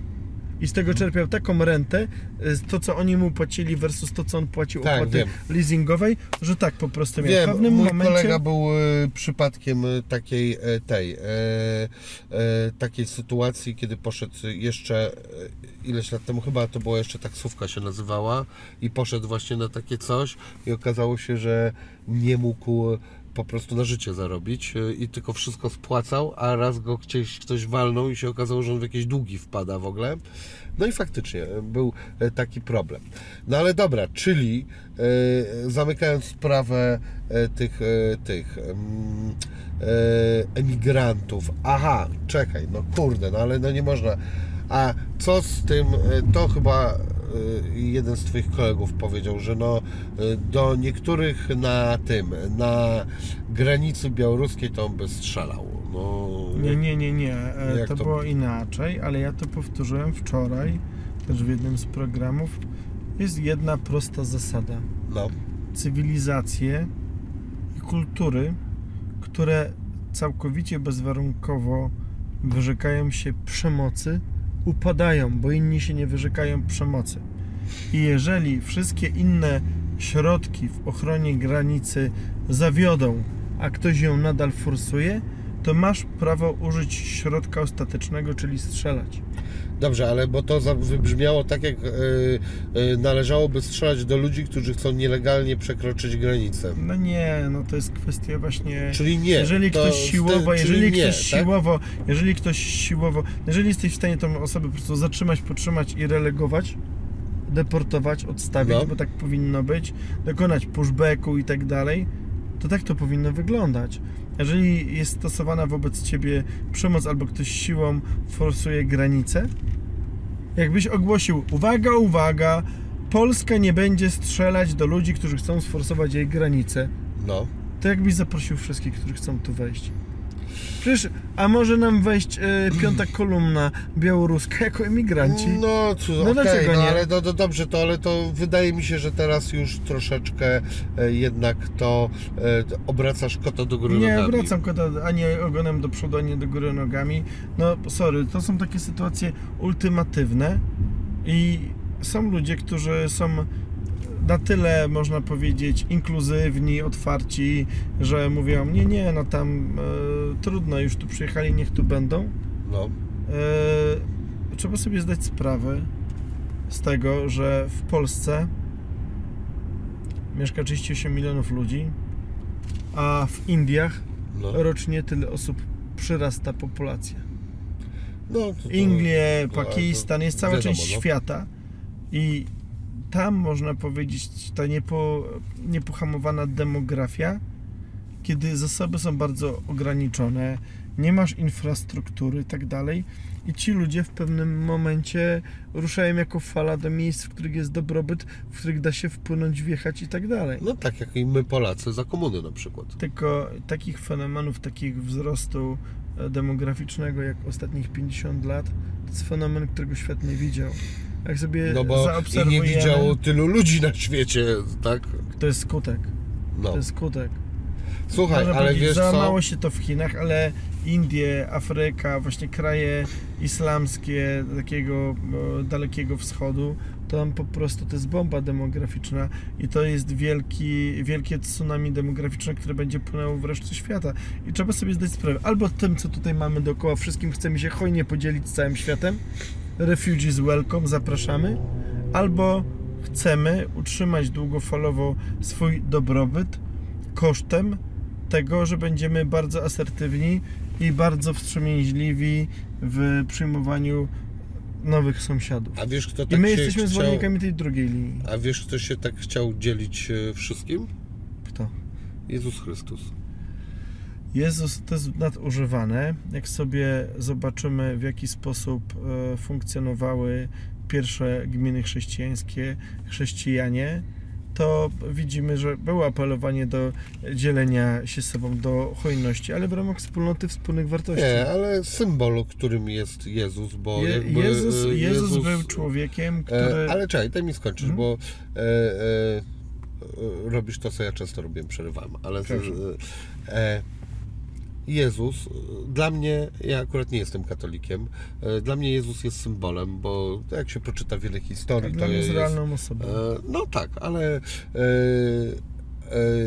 no, dla Ciebie to powinien być Bogiem w ogóle. Z realną ale, osobą i osoba jest jeden Bóg, który występuje w trzech osobach. To Nie, jest osoba, to jest i osoba ludzka i boska. Tak, bo teologia jest bardzo skomplikowana, jest trudna. Nieintuicyjna bym nawet powiedział, bo te wielkie umysły dochodziły przez wieki do różnych konkluzji. No, ja bym powiedział, że o- wielcy cwaniacy, ale e, to już możemy Święty Tomasz dyskutować. Akwinu, No, e, Ja wiem, słuchaj, tak było Augustyn, tam tak bardzo dalej. wielu to, to było, mądrych to było ludzi, dużo więcej którzy niż cwaniacy. Byli różni, e, więc e, teraz nie chcę też z Tobą pójść... Cwaniaków było tylu w trakcie tych dwóch No. tysięcy lat, że aż ich nazwisk nie pamiętamy. Tak wielu ich było. E, Ale było Słuchaj, nie znamy tamtych, tak, tych wybitnych też nie znamy, bo nie było filmów i e, musimy domniemywać, ale jeśli chodzi o Jezusa, nieważne, niech to będzie, że e, dana osoba, to jest coś, co jak chodziłem do kościoła, to jest symbol Mhm. e, właśnie takiego skłonienia się ku drugiemu człowiekowi, symbol e, właśnie tego, że dzielenia się. E, I e, tak naprawdę ten symbol e, Czy Jezus Chrystus strzelałby do emigrantów? Wiesz co, To jest nigdy, moje pytanie. Nigdy, nigdy, nigdy, nigdy nie stawał przed tego rodzaju dylematami, bo nigdy nie sprawował władzy i nie miał ambicji. Mówił, że jego władza jest nie z tego świata. No mi się wydawało, że e, generalnie jednak mówił o tym, żeby A czy buntował, ale czy pu- buntował? e, do niego mieli żal, policzek. ale żal do niego mieli Mhm. jego pobratymcy Żydzi, że nie stanął na czele powstania politycznego przeciw Rzymianom. Czyli To nie był, rzeczy. Czyli On nie, nie, był buntownikiem e, takim. e. E, czyli nie był buntownikiem takim, który używał e, siły. No bo wiesz do czego pije? Pije do prostej ten, że e, rzeczy, że jak twoje poglądy polityczne mają się do twoich poglądów religijnych. Znaczy, ja nie lubię takiego w ogóle hasła jak poglądy religijne, ale jest to No. pewien rodzaj wrażliwości, rzeczy, które... Ale jest to pewien pogląd. No jedna co, no, e, religia moje, twierdzi moje, to... ja, mam, ja mam obowiązek jako Mhm, ojciec, mhm. jako mąż, jako zadbać o moją rodzinę, jako obywatel Mhm. mam obowiązek zadbać o moją wspólnotę polityczną, o To się nazywają tak zwane kręgi o, empatii. współ, o współobywateli. Dokładnie A Jezus tak. mówił kochać wszystkich. A, tak, e, a Jego Królestwo jest w niebie i Jego Królestwo tymi zasadami zarządzone w niebie. Nie zapraszam do nieba, e, tam będzie, tam niebie nie, miejsce na jest w niebie. mówili pójdą mnie, do nieba, że mnie pójdą przegada. do nieba, pójdą mówili, do nieba. że mnie przegada. Przegaduje pójdą, mnie. Pójdą, pójdą, pójdą do nieba. Widzi, ja ci powiem świetne, e, świetną anegdotę z rekolekcji. Ale żeś pouciekał ze wszystkich ale czekaj, tematów. Dobry byłem, jesteś. byłem kiedyś, Jesteś dziękuję, dobry dziękuję, dziękuję. Naprawdę. Byłem, byłem kiedyś na rekolekcjach No. i ksiądz e, powiedział tak. Panowie, kto z was chce iść do nieba, ręka do góry. No to tam jak nas było z 40 osób, wszyscy ręka do góry. I do nie wszyscy do nieba. On mówi, świetnie, doskonałe. Mam dla was kolejne pytanie. Mhm. Kto z was chce iść do nieba dzisiaj? Mhm. I taka cisza. Ręka do góry. Cisza. I mówi, a teraz pomyśl sobie o wszystkich powodach, dla których nie chciałbyś dzisiaj iść do tego nieba. I jeszcze byś trochę, lista rzeczy, które masz tu do załatwienia, to są realnie rzeczy, które duchowo, intelektualnie sprawiają, po pierwsze, że rzeczy najważniejsze nie są u Ciebie najważniejsze i to są jakieś twoi, element Twojego tam nieuporządkowania. I teraz tak e, mówiąc, e, kończąc tą anegdotę, siedzę sobie z moim przyjacielem, chłopem o twojej postury, czyli takiej dosyć słusznej. On e, w pewnym momencie wzdycha i mówi: Panie, mam gderliwą żonę, nieuczciwych wspólników i pyskane dzieci dzisiaj, teraz i się aż rozmarzył. Jest bardzo małych ludzi, którzy są do tego gotowi i dlatego też jest bardzo mało osób, które są gotowe do takiego heroizmu, bezinteresowności i są tak oderwane od jakichkolwiek przywiązań, że są gotowe tutaj dzisiaj przyjąć, jutro w Polsce, w Warszawie 2 miliardy ludzi z Afryki i z Bliskiego Wschodu. Ja nie mam w sobie takiej hojności, przyznam się do tego, brak mi, nie mam tak wielkiego serca, ale Czyli z drugiej strony sprzeczność między polityką a religią. nie mamy, Mamy. ponieważ e, wytłumaczę Ci, zdradzę Ci pewną tajemnicę. O kurde. Są- Mów, czekaj, ja wyjmę długopis, bo rozumiem, że podajesz mi Nagrasz numery to. wlotka następne. to Czyli dużo- jaką po, mam e, ten obstawić To są, e, to są firmę? dużo, to jest dużo lepsze niż numery Totka. Okej. Są tylko trzy cnoty, w których nie można przesadzić. No, słucham. Wiara, Mhm. nadzieja. I miłość. A w każdej innej można przesadzić. Zbytnia sprawiedliwość to jest bezwzględność, bezduszność. Zbytnia roztropność to jest cwaniactwo, kombinatorstwo. Zbytnia e, oszczędność, zbytnia oszczędność to jest skąpstwo. I tak dalej. Wszystkim innym można. Mógłbym- Więc w hojności też można przesadzić. Mógłbym z każdą tych rzeczy dyskutować. A, a, a, a E, w polityce rzecz, którą się trzeba kierować, to jest roztropność i zdrowy rozsądek. Ja wiem i właśnie do tego zmierzałem, że te rzeczy absolutnie stoją w sprzeczności z... e, Stoją? E, tak, Z czym? z religijnością. Ty nie wierzysz, że Jezus był roztropny, rozumny i zdroworozsądkowy. Tak, mi się- się wydaje, że e, był e, e, utopijną postacią, że właśnie wierzył w pewne, że rzeczy, które na tamte, ja uważam, że był rewolucjonistą. Nie możemy otworzyć kanał o, o, religii sobie zacząć dyskutować o religii. Nie, No, to nie jest właśnie ten kanał, to jest właśnie ten kanał. Nie, nie, nie, możemy sobie to podzielić na odcinki i zrobić uczoną dysputę między wójtem panem Applebanem, Winim a Wiplerem. Sobie o tym siądziemy i pogadamy, bo są ciekawe obiektywnie rzeczy, ale... Czy Jezus Chrystus by e, głosował na Konfederację? Nie wiem, to byłoby obrazobórstwem twierdzenie, że tak, ale byłoby e, również oddawanie za darmo jego głosu komukolwiek innemu, byłoby nieroztropne. Chciałbyś, żeby Spokojnie. głosował? Słuchaj, Jakby e, teraz myślę, Wrócił? wiesz co, no są takie rzeczy, które ła- łatwo popaść w śmieszność w ogóle tym rozmawiać, więc zwolnij mnie z tej odpowiedzi. Okej. Nie podłożę się tak w prosty sposób, za stary lis jestem takie rzeczy. Ale fajne pytanie, co? No tak, tak, tak. Czy miałeś już takie? Nie. Nie miałeś, Nie. no to chociaż To jakieś... trzeba mieć zdrowo je- pokręconą dyńkę, żeby z takimi tematami wychodzić. Jedną, ten, jedną wymyśliłem. Dziękuję. Po, Nie, nie, to nie było pierwsze, ale w ogóle inspirujące i zachęca do myślenia, nie? No, Zadawajcie sobie zawsze to pytanie ze e, Sławomirem, co zrobiłby Jezus Chrystus? Na każdy chrześcijanin sobie powinien w różnych ważnych wyborach życiowych takie pytanie właśnie zadawać, nie? I to, i to nie znaczy, że my sobie dobrze damy, e, bo czasami jest z różnych powodów wygoda i inne człowieki odpowie in, inaczej na różne tam pytania, nie? Ja sobie zawsze jest- zadaję pytanie, co zrobiłby Joe Pesci. Okej, okej. Okej, a dlaczego Joe Pesci? Bo wygląda mi na... Wiesz co? Obejrzyj, wpisz sobie kiedyś George Carlin do YouTube'a, No, to no. będziesz wiedział. Okej. E, To jest taki komik, który już nie żyje E, i który był, e, no polecam obejrzenie jego występów, były bardzo interesujące. Właśnie tam jest odpowiedź, czemu Joe Pesci. Badanie, na kogo by głosował Jezus Chrystus, to jest takie e, najlepsza droga, żeby się zapędzić w taki właśnie zakątek szurlandzki, z którego ja staram się nie tylko wypłynąć, ale wyciągnąć jak najwięcej dobrych ludzi. Nie wiem, co to jest to zakątek ludzie- szurlandzki. Nie, no jest właśnie tak, tak nie A, się mówi. No są, tak. są różne tam poziomy i rodzaje tam wariactwa Mhm. i tam niektórzy wiedzą, wiedzą i chcą, chcą koniecznie mi powiedzieć, co z całą pewnością zrobiłby Jezus, nie? To z, zawsze miałem na to awersję e, od czasu, kiedy sam e, w szóstej czy siódmej klasie podstawki przestałem chodzić do kościoła. No to właśnie, na, ale, w, bo po, ale jesteś w Opus Dei. Tak.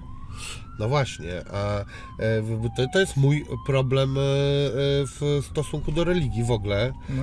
bo jestem osobą poszukującą, gdzie właśnie religia dokładnie wie, co by zrobił Jezus Chrystus. Właśnie I to nie. jest dla mnie wielki no problem. właśnie nie, tak ci się wydaje. No przepraszam, bo- słuchałem ale- ale- ale- telewizji y, z tej Radia Maryi ostatnio wracając ze wschodu, bo nie, było nic innego, a oni Mhm.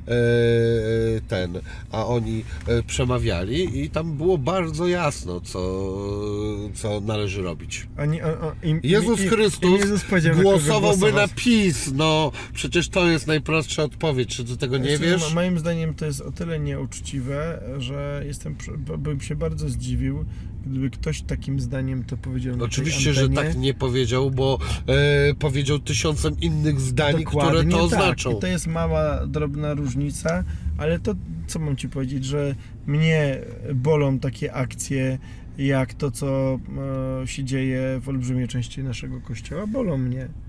Że bolą mnie takie akcje, jak słynne party e, w e, Zagłębiu, czyli Dąbrowa Górnicza, czy gdzie tam to się w działo. ogóle i nie tak boli, gdyby nie. Mnie boli to, że- brak jedności, spójności, jak to powiedział mi jeden mój kolega, a ja o niego się miałem spowiadać, że jadłem szynkę w piątek, tak? No To tak, są takie no. rzeczy fundamentalne powiedzieć, że żeby zajmować się pewnymi sprawami, musisz mieć podstawowy autorytet. Ten autorytet wynika też z pewnej jedności życia. e, Znaczy tyle. wiesz, no jeżeli e, dla mnie tam e, nie jest problemem to, że ci ludzie uprawiali ze sobą seks i że są mężczyznami, nie jest dla mnie problemem Że to, to piętnują Tak. i tak dalej. to jest problemem no brak i nie wezwali karetki do chłopa, który mało wziął się, nie wiem, tam nie umarł chyba ten człowiek, Nie, tak? nie, nie. Ale no to jest problemem.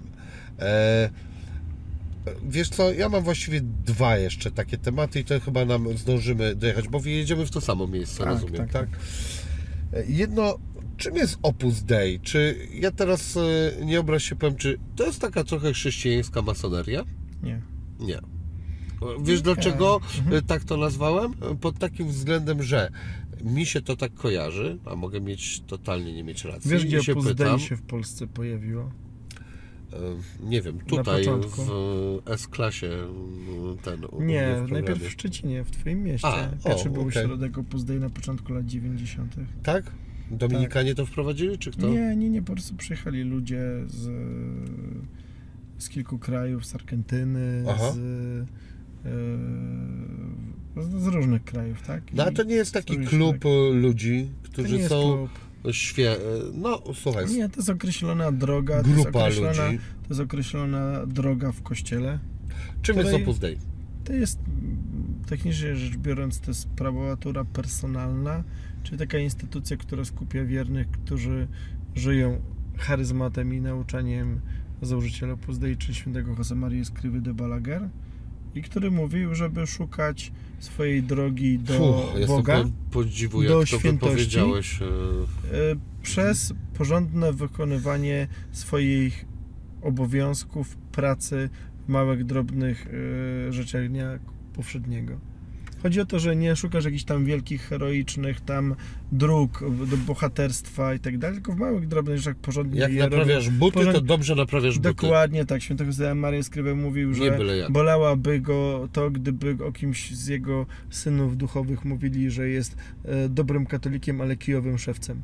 Okej. I jest dokładnie taki zwrot w jeden z punktów e, takiej jego książki pod tytułem Droga i mówi, że to jest kwestia tego, że jeżeli masz obowiązek e, współtworzenia świata, bo ten Bóg go stworzył i oddał go swoim dzieciom, ludziom, to bierzesz udział w czymś wielkim jeżeli chcesz to ofiarować Panu Bogu, tą swoją pracę, to możesz fuszerę ofiarować, możesz ofiarować coś słabo, nędznie zrobione i tak dalej. Dlatego wielu ludzi, którzy żyją tym duchem Opus Dei, to są ludzie, którzy ciężko, mocno pracują, osiągają jakiś tam sukces zawodowy. I z tego powodu uzyskują też czasami status społeczny, pozycję społeczną yy, i stąd się biorą właśnie różnego rodzaju tego e, mity dotyczące właśnie Twojego pytania, czy to jest jakaś tam masoneria i tak dalej. Wini, ja z Tobą mogę pychać na rekolekcję Opus Dei i tak dalej, tylko byś miał 3,5 wytrzymałbym dnia tego. w milczeniu. Nie, to Musiałbyś dzięki. y, siedzieć, słuchać i myśleć nad sobą. Wiesz, jak jest straszne we współczesnym świecie 3,5 dnia nic nie mówić? Wiem, bo czytałem e, dużo opracowań. Wiesz, jak mnie to kosztuje? Ja nie jestem z tych milczących. Czytałem o, dużo opracowań o 10-dniowym e, medytacji i mój kumpel jeden był na takim Ignacjańskich? czymś. e, Nie, medytacji, nie wiem, jakimś tam po prostu medytacji. Nie wiem, czy no, bardziej raczej z tych wschodnich kultur e, pochodzących, ale to jakby moim zdaniem nie ma znaczenia. No, chodzi o to, że się siedzi na tyłku 10 dni, medytuje i nic nie mówi i tak dalej, i tak dalej. Rozdziela się chłopaków od dziewczyn i takie tam rzeczy, no nie? Podobno wchodzi się wręcz w stany psychodeliczne w którymś momencie. Eee, Trzy dni milczenia, wierz mi, można bez wpadnięcia w psychodelię to wytrzymać. Tak, ale to nie ma nic złego. A o, właśnie, a jak w, w, ty się zapatrujesz, albo wy, na mm, badania nad psychodelikami w terapeutyzowaniu e, różnego rodzaju schorzeń, takich jak na przykład e, właśnie e, depresje, jak e, na przykład te schorzenia e, żołnierzy, przepraszam, zapomniałem tego PTSD. skrótu, tak. E, Syndrom, syndrom stresu tak, które w Stanach już są prowadzone na dobre od chyba, nie wiem, nawet z dwóch dekad, a Polsce dalej, dalej nie i Ja uważam, że nas nas uwstecznia, ale co ty myślisz na ten Wiesz co, temat? to jest kwestia tego ogólnie pytania o ogólnie zasady prowadzenia etycznych badań naukowych, tak? No tak, tak, To jest mówimy o badaniach momencie- naukowych. Jeżeli a cel jest słuszny, tak? To jest punkt pierwszy, czyli cel, któremu to służy. Czyli cel odhaczyliśmy, że jest słuszny, żeby pomóc chorym ludziom. Tak, To jest punkt pierwszy. Punkt drugi, nie masz badań o charakterze przymusowym, czyli nikogo nie zmuszasz do udziału w nich. Albo Nie, nie, no, no nie, oczywiste. zachęcasz do wprowadzenia do nich błędem, e, mówiąc mu nieprawdy, zatajniając część czego już musisz pokazać człowiekowi, który bierze udział w eksperymencie medycznym, realne ryzyka. Załóżmy, że mu pokazać te realne ryzyka. Punkt trzeci, a to się, przepraszam, No. w tym to się bada ludzi, bo są, jest część, gru, bo duża, gru, znaczy duża, może nie duża, ale Mhm. jest grupa ludzi, którym tego w ogóle nie wolno podawać, na przykład ludzi, którzy mają problemy z... schizofrenia, e, tak, i tego, to, no tak, to jasne. ale e, generalnie mówimy, to też na przykład po, bardzo pomaga, no, są teraz dokumenty na Netflixie i książki ciekawe na ten Mhm. temat, e, na przykład ludziom, którzy e, są w trakcie chorób, których nie potrafimy uleczyć teraz, albo Mhm. ktoś dany nie potrafi. Przepraszam, i to przynosi e, podobno bardzo dużą ulgę w takich sytuacjach, ponieważ co, co ludzie się. zasady nie widzę przeciwwskazań. E, Okej. E, A e, marihuana, jak wy się do tego odnosicie? Powinna być do kupienia w coffee shopie? Ja jestem na tak i mamy w tym zakresie Tak? jakąś tam różnicę. Punkt minimum dla mnie to jest depenalizacja. Punkt drugi to jest e, legalizacja. Punkt trzeci to jest opodatkowanie. Powiedzmy sobie szczerze. Punkt czwarty to jest wstrzemięźliwość i zdrowy rozsądek, ponieważ to, co się wydarzyło w Kalifornii, co teraz dzieje się w Stanach, No. to mamy bardzo dużo w związku z tą całą w ogóle plagą opioidów i tak dalej. Po, No, no, to jest korelacja. To pytanie jest takie, co jest przyczyną, co jest skutkiem, czy jest korelacja, ale no ja byłem 8 Ale lat temu w Kalifornii, jak zalegalizowano e, marihuanę. Tak. I Czy ci, powinien być coffee shop, w którym można kupić marihuanę? nie widzę przeciwwskazań. Okej. A wiesz co, że ja ci powiem, że ja trochę widzę? No. No bo na to, że to wciąga do innych używek? nie, w ogóle. I w, znaczy, nie, że w ogóle. A jakie ty widzisz przeciwwskazanie? A ja uważam w ogóle marihuanę za bardzo mocny narkotyk i ja znam Mhm. bardzo e, e, wiele osób, które jest uzależnione marihuaną. Zresztą sam jestem taką osobą, tylko nie praktykuję tego od bardzo Mhm. dawna, ale e, miałem z tym To problemy. zabiera motywację. Motywacje, różne rzeczy, no też można nadużyć samego palenia w ogóle, e, ale motywacji bardzo dużo. E, i przede wszystkim, no ja znam całą masę ludzi, którzy po prostu są pouzależniani e, i totalnie rozregulowuje to ich całe życie. Ja się z tym I zgadzam, ale z drugiej strony dużo. dołożenie I bardzo do... dużo, przepraszam, wśród młodych ludzi tego jest. I to cały czas e, ja, bo uważam, że Jedna nie rzecz to powinno jest się... depenalizacja. To jest, ja się z tym zgadzam absolutnie. Druga Ale żeby rzecz w jest shopie taka... można było kupić? Druga rzecz to jest taka właśnie, e, nie można budować też kultury, że to jest super cool, fajne i każdy niech sobie robi jak ma ochotę i tak dalej, bo łatwo jest w tym e, utonąć, ale d- dla mnie walka z tym na poziomie, że pakowanie ludzi, że w pewnym momencie masz kilkanaście czy kilkadziesiąt Ale tysięcy to są osób, dwie różne rzeczy. To w Mhm. ogóle to jest, to nie podlega dyskusji, to tu się zgadzamy w pełni. E, Nie powinno, tak. Natomiast ja mówię o tym, czy można to kupić sobie w sklepie, bo dzisiaj można kupić w aptece. To już jest moim zdaniem bardzo duży postęp. Mhm. E, druga rzecz, fajnie by było, żeby ktoś mógł sobie w e, na przykład dajmy na to e, wyhodować sobie trzy roślinki, tak? Mhm. E, Możecie sobie obejrzeć e, program mojego kolegi Mopsa, który prowadzi Weed Week i on rozmawia o właśnie takich różnego rodzaju tematach, o tym co, gdzie sadzą, co może pomagać, a co może być szkodliwe. To byłoby wszystko fajne. Natomiast ja nie jestem pewien, czy to jest dobre, że e, można iść i na każdym rogu to kupić. Szczerze mówiąc, też mam mieszane uczucia. Z drugiej strony wiem, jak łatwo jest to kupić każdemu, kto chce. I tak i nie. Tylko introwertyk chyba nie da rady, albo ktoś, kto nie potrafi Znaczy, nie no, dać radę, to oczywiście, że da radę, ale to jest inna sytuacja, gdzie po prostu, wiesz, schodzisz na dół yy, i po prostu yy, kupujesz, a gdzie gdzieś tam dzwonisz, jedziesz, a to jest legalne, a nielegalne, a śmego, a owego. No to jest jednak yy, yy, duża różnica. I słuchaj, no znowu muszę do, nawiązać do waszego chyba nieszczęsnego Korwina. No, No. On uważa, że to wszystko w ogóle herę powinno się kupować w sklepie.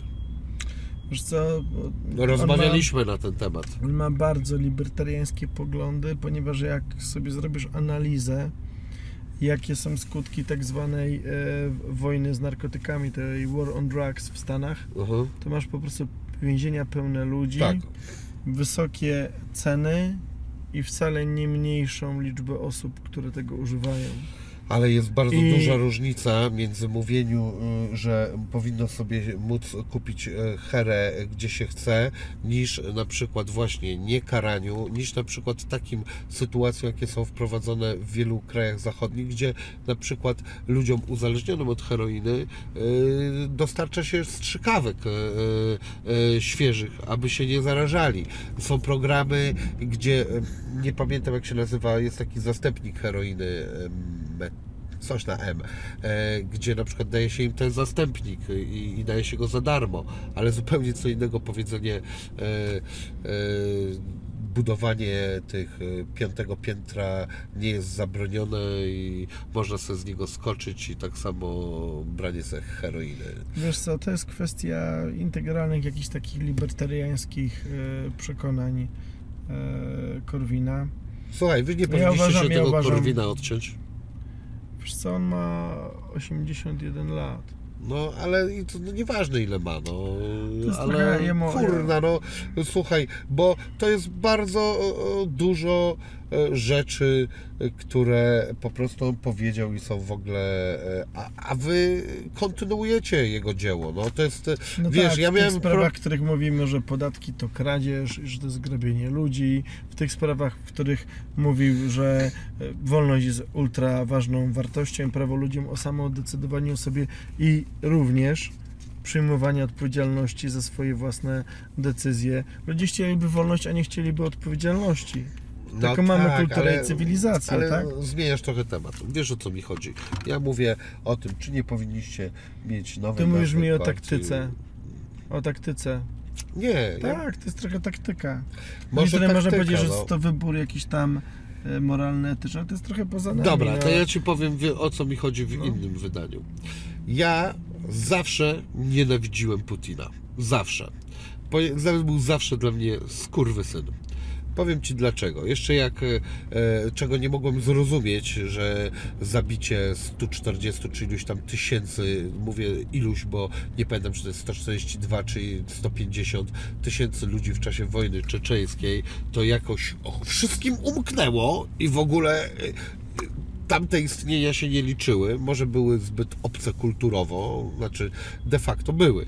E, I, i, i to też e, miało nie końca, duże bo zobacz, co się znaczenie. wydarzyło. Zobacz, Ale czekaj, daj mi tylko punkt. skończyć tą myśl. E, I, a ja, wiesz dlaczego zawsze go miałem za bydlaka? Dlatego, że ten facet był z KGB. A dla mnie, jak ktoś jest z KGB, to jest po prostu bydlakiem, bo dla mnie kontynuuje myśl stalinowską. Po Dokładnie prostu. Będąc z KGB, to dla mnie oznacza kontynuujemy Jeżeli ktoś, myśl jeżeli stalinowską. twoi, twoi dziadkowie czy babcia byli przywiezieni tu z Kazachstanu po wojnie, no to Tak. byli bezpośrednimi ofiarami Tak. tego, co ci ludzie robili Tak. tyle lat temu, nie? I dla mnie ten facet myślał zawsze jak ten kagiebista. W związku z tym, jak mi ktoś mówił, że a, on nie jest taki zły, a tamto, aś mam to, to ja miałem, no jak nie jest? I dlatego nawiązuję, wracam do Korwina, że e, mając ten, e, e, tego reprezentanta, ten symbol, wy zawsze będziecie podciągani pod to, co on powiedział. Wydaje mi się, że to powiem duży tak, to problem dla kwestia, Was. To jest kwestia, no pewnie, co mam ci powiedzieć, że gdyby nie to, to pewnie już byśmy mieli 20%? Bo może tak być, no. Ale to można powiedzieć, no ja to e, powiem tyle. e, Ja poświęciłem kilka lat życia na uniezależnianiu Polski od dostaw ropy i gazu z Federacji Rosyjskiej. Mhm. Czyli tak zwaną dywersyfikację dostaw nośników energii, żeby Bardzo nie dobrze. finansować, żeby nie finansować im broni. De facto, no bo to jest de No. facto, bierzemy gaz, oni za to kupują czołgi, rakiety No tak. e, i wille na Cyprze. Tak no, to już tam nie? doda, już skutek uboczny, jak Tak, w tej, tak, tej tabletki na wątrobę. E, ale e, no tak, przecież oni Więc zrobili mnie, tak zwane. dla mnie takie rzeczy, po, to jest pierwsze. Po drugie, system polityczny i gospodarczy, który został zbudowany po Jelcynie, powiedzmy po tym jak Putin wziął Mhm. za ryj tą całą e, Ro- Rosję i zaczął go układać, to jest rak. To jest absolutny rak. I najgorsze jest to, gdy emanacja takiego raka e, zaraża kraje sąsiednie, bo tak się dzieje. Ludzie, którzy zakumulowali wielkie zasoby w sposób taki bandycki, kolaborując z państwem, chcą przejmować kolejne kraje, również w wymiarze gospodarczym. Słuchaj, Nie Przemek, tylko inwazją. polubiłem cię trochę, ale kurde, e, ten, to mam do ciebie odbicie piłki niestety. No. To czy Korwin nie jest waszym rakiem? To jest za mocno powiedziane, ale to jest e, absolutnie naszym problemem, dlatego też wiedziałem, że dopóki nie zmieni się przywództwo w tym obozie, dopóty on będzie skazany na tkwienie w marginesie i jakoś tam kręcenie się na granicy progu wyborczego. I to, co jest i było ważne, to pierwszy krok to jest to, że w październiku zeszłego roku Mencen został liderem partii w miejsce Korwina. To jest pierwszy krok. O, Mensen to akurat nie wzbudza żadnej mojej sympatii. Nie wiem, czy nad wyrost nie powiedziałem, teraz ktoś będzie myślał, że na was głosuję. E, nie, nie będę na was głosował. Natomiast, e, e, no kurde, mm, nie wiem, no tłumaczysz te rzeczy e, Jakie? e, różne, które dzisiaj rozmawialiśmy. Znaczy, Również, tłumaczy się z tych rzeczy, a nie tłumaczy Tak, cokolwiek, bo no to właśnie. są niewytłumaczalne. no właśnie. Mówię, ale fundament, który łączy tych ludzi, którzy są na statku, który się nazywa Konfederacja, to jest stosunek do państwa, do gospodarki, do wolności osobistej, a reszta, zobacz, to są wypowiedzi bulwersujące, głupie, nie wpływające na moje, twoje życie, oprócz tego, że cię ktoś zdenerwował. No tak, no ale I, wiesz... nie e, i, I co najlepsze, mogę się z nim nie zgadzać. Wyobrażasz sobie, że jestem w PiSie i nie zgadzam się z kimś prezesem, siadam w wozie u jakiegoś winiego i opowiadam takie rzeczy i co się dzieje później? Znikam, nie ma chłopa. A u nas tego nie ma. Możesz wyjść i powiedzieć, tym się różnimy od... Albo robisz to samo w Platformie. No, Idziesz i mówisz, nie, Donald Tusk tutaj jednak faktycznie trochę za bardzo był proniemiecki, to zrobił nie tak, to zrobił źle i tak dalej. Jutro nie ma chłopa. Był taki gościu, Grzegorz Schetyna, który zdarzył się w pewnym momencie z Tuskiem e, i co? Co najwyżej mógł do Senatu sobie wystartować. Jak to powiedzieli e, Mazurek w rozmowie ze Stanowskim, miejsce dla sam Kocoń znalazło się na listach Platforma dla Schetyny już nie. Z jakich powodów? Słuchaj. Z takich. I to, co ja lubię w Konfederacji, to jest tego rodzaju pluralizm, że mogę przyjść sobie do Okej. ciebie popowiadać o takich rzeczach i nikt mnie za to nie zamorduje. no wiem, bo... Co więcej, bo, ileś osób mi poda rękę i powie Przemek, cieszę się, że to powiedziałeś, dziękuję. Słuchaj, bo ale wiesz jaka jest różnica taka, że prezes nie jest u już prawdziwej władzy. Jakby był u prawdziwej władzy, to już byś tak sobie nie gadał. Chciałem Nie, to bym przypomnieć. nie wrócił. To bym, e, no, albo byś nie przyszedł w ogóle. E, Chciałbym e, zauważyć, że w 2015 e, on miał razem, że tak powiem, nie kandydowaliście, tylko dbaliście o to, żeby on został prezydentem w ogóle. No. A to wiadomo było, że on nie startował po to, żeby zostać prezydentem, ale żeby dostać jak najlepszy wynik przed wyborami parlamentarnymi. Okej, To jest jasne i klarowne. no dobra. W wielu, Tak, wielu, w wielu wyborach musisz startować, bo nie możesz oddać tego walkowerem, bo to jest moment aktualizacji wyceny, jakbyś na giełdzie e, miał tak używać takiego języka, tak? Wie, wiesz, po prostu musisz przeszacować aktywę, zobaczyć jaką masz siłę i nie możesz tego oddać, bo znikasz. Możesz No. startować w każdych wyborach. Wystawiasz gościa na prezydenta Warszawy, na przykład ja startowałem na prezydenta e, Warszawy, wiedząc, że my walczymy w tym momencie nie o zostanie prezydentem Warszawy, bo jeżeli masz formację kilkuprocentową, a żeby być prezydentem Warszawy, to jest jednym z dwóch wielkich bloków.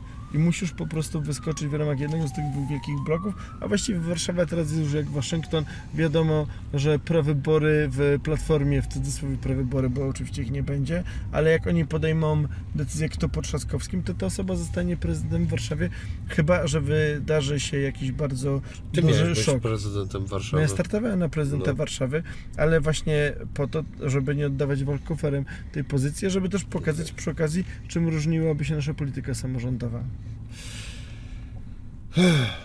Chyba z 15 odcinków z tego zrobisz, co? Jeden tylko. Okej. Ale powinienem zrobić 15. E, lobbysta. No, Co robi lobbysta? Ja przychodzę do ciebie no, i mówię, fajki sprzedaję. no. Chciałbym, żeby więcej ludzi jarało fajki. Co ty na to? To zbuduj sobie dział marketingu i sprzedawaj. To Okej. nie jest robota dla lobbysty. A co ja To jest dla mógłbym... sprzedawa- sprzedażowca. A co lobbysta mógłby mi załatwić na przykład dużemu koncernowi? Po pierwsze, lobbysta niczego nie załatwia. Lobbuję. E, Co mógłby mi Czasami, czasami, wylobbować? czasami przechodzisz, no. Dam, dam ci konkretny case. E, Przychodzisz i mówisz, że właśnie przeczytałeś w prasie, że zamknięto ci firmę, bo wczoraj w nocy przeszła ustawa jakaś covidowa i że ty właśnie nie wiesz, co masz robić, bo zamknęli ci firmę. Mhm. Przeczytałeś właśnie w gazecie i nie wiesz, jak to się stało, że wczoraj e, w internecie, bo gazety nie zdążyły. O 1.15 wydali rozporządzenie, że wszystkie galerie są zamknięte, a ty Mhm. dzisiaj rano jedziesz do roboty, nagle się dowiedziałeś, że ciebie nie ma. No tak. I czy i się pytasz, czy e, mógłby ktoś sprawdzić, ile to potrwa? Tak, pierwsza rzecz. Tak, Aha. nie wiesz, bo nikt ci nie powiedział. I Mhm. dlaczego ciebie zamknęli, skoro jest tak, tak i tak, i oni nie wiedzieli, że ty jesteś niezbędny do tego, tego i tego. Bardzo często biznes w Polsce kompletnie nie rozumie polityki. I czasami można przyjść do kogoś, kto rozumie i politykę, i biznes. Mhm. I ktoś taki, przychodzisz i mówisz proszę pana wydarzyło się coś takiego i proszę mi powiedzieć y, jakie w ogóle są scenariusze, co się będzie dzia- działo dalej. Chcesz mieć wiedzę poważniejszą niż wiedza gazetowa. Mhm. Albo skąd to się wzięło, że, bo czasami ktoś się pomylił, Mhm. tak szybko szli z przepisami prawa i kogoś wpisali albo zgubili Mhm. tak? Nie wiem, masz przykład, że o- e, zamykają galerie handlowe i później dają dopłaty dla tych, których zamknęli, ale zgubili całą twoją branżę. No tak było. Mhm. Na przykład e, były sklepy z odzieżą dostały, które były w galeriach handlowych e, rekompensaty za to, że ich zamknęli, ale tych, którzy mieli but, buty zgubili. No i gościu mi, panie, ja mam buty, czemu mnie zgubili? Ktoś nie lubi butów? E, czy jakieś inne jest dno za czymś takim? I, I czy można coś zrobić, żeby te buty jednak się odnalazły? E, tak? I to są tego rodzaju rzeczy. A bardzo często wystarczy, że ktoś chce coś zrobić złego, głupiego w rządzie, to musisz doprowadzić do tego, że dziennikarz dostanie dobrze przygotowane materiały, opracowanie, analizę i nagle będzie dzięki temu mógł. I czasami jeden tekst dobrze napisany wystarczy, żeby ktoś z głupiego pomysłu legislacyjnego zrezygnował. Czym ja się zajmowałem? Zajmowałem się przez lata pracą dla przedsiębiorców, z których interesem się zgadzałem, bo tego wtedy brałem robotę, jeżeli się zgadzałem z mm, tym interesem i kiedy mm, byłem w stanie znaleźć i zbudować ścieżkę, w ramach której można skutecznie walczyć o ten interes. A tam nie było Media pisały na- no. e, koncernów tytoniowych? Tak, ale koncerny tytoniowe walczą z sobą o to, jak wygląda, o różne rzeczy walczą z sobą. Tak, Okej. bo mają różną strukturę. Jeden ma drogie fajki, drugi ma tanie fajki.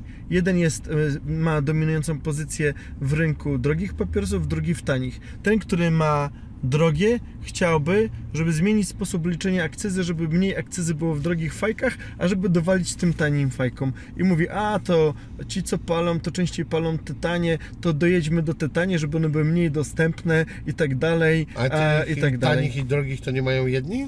No właśnie, jedni mają tanie, drudzy mają drogie. Aha, Jedni mają myślałem, że- tradycyjne papierosy, drudzy mają e-papierosy. Myślałem, że ci, co mają tradycyjne, te papierosy już też mają. Ale mają inne miejsca w segmencie tego rynku. Mhm. Tak? Ktoś na przykład mówi, ok, ja chcę w ogóle wyjść, mam taką strategię ze tradycyjnych papierosów, chcę tylko nowe papierosy. I to walą się między sobą w różnych takich w e, niuansach, tak? E, Mam tak podpisane umowę, że nie mogę mówić o szczegółach. No. No, Tak w największym skrócie. Okej. No ale jak, jak ktoś na przykład chciał zdelegalizować w Polsce z dnia na dzień, właściwie za trzy tygodnie zamykamy całą hodowlę zwierząt futerkowych w Polsce bez żadnego odszkodowania, chociaż ci ludzie mają setki milionów kredytów pozaciągane, tak?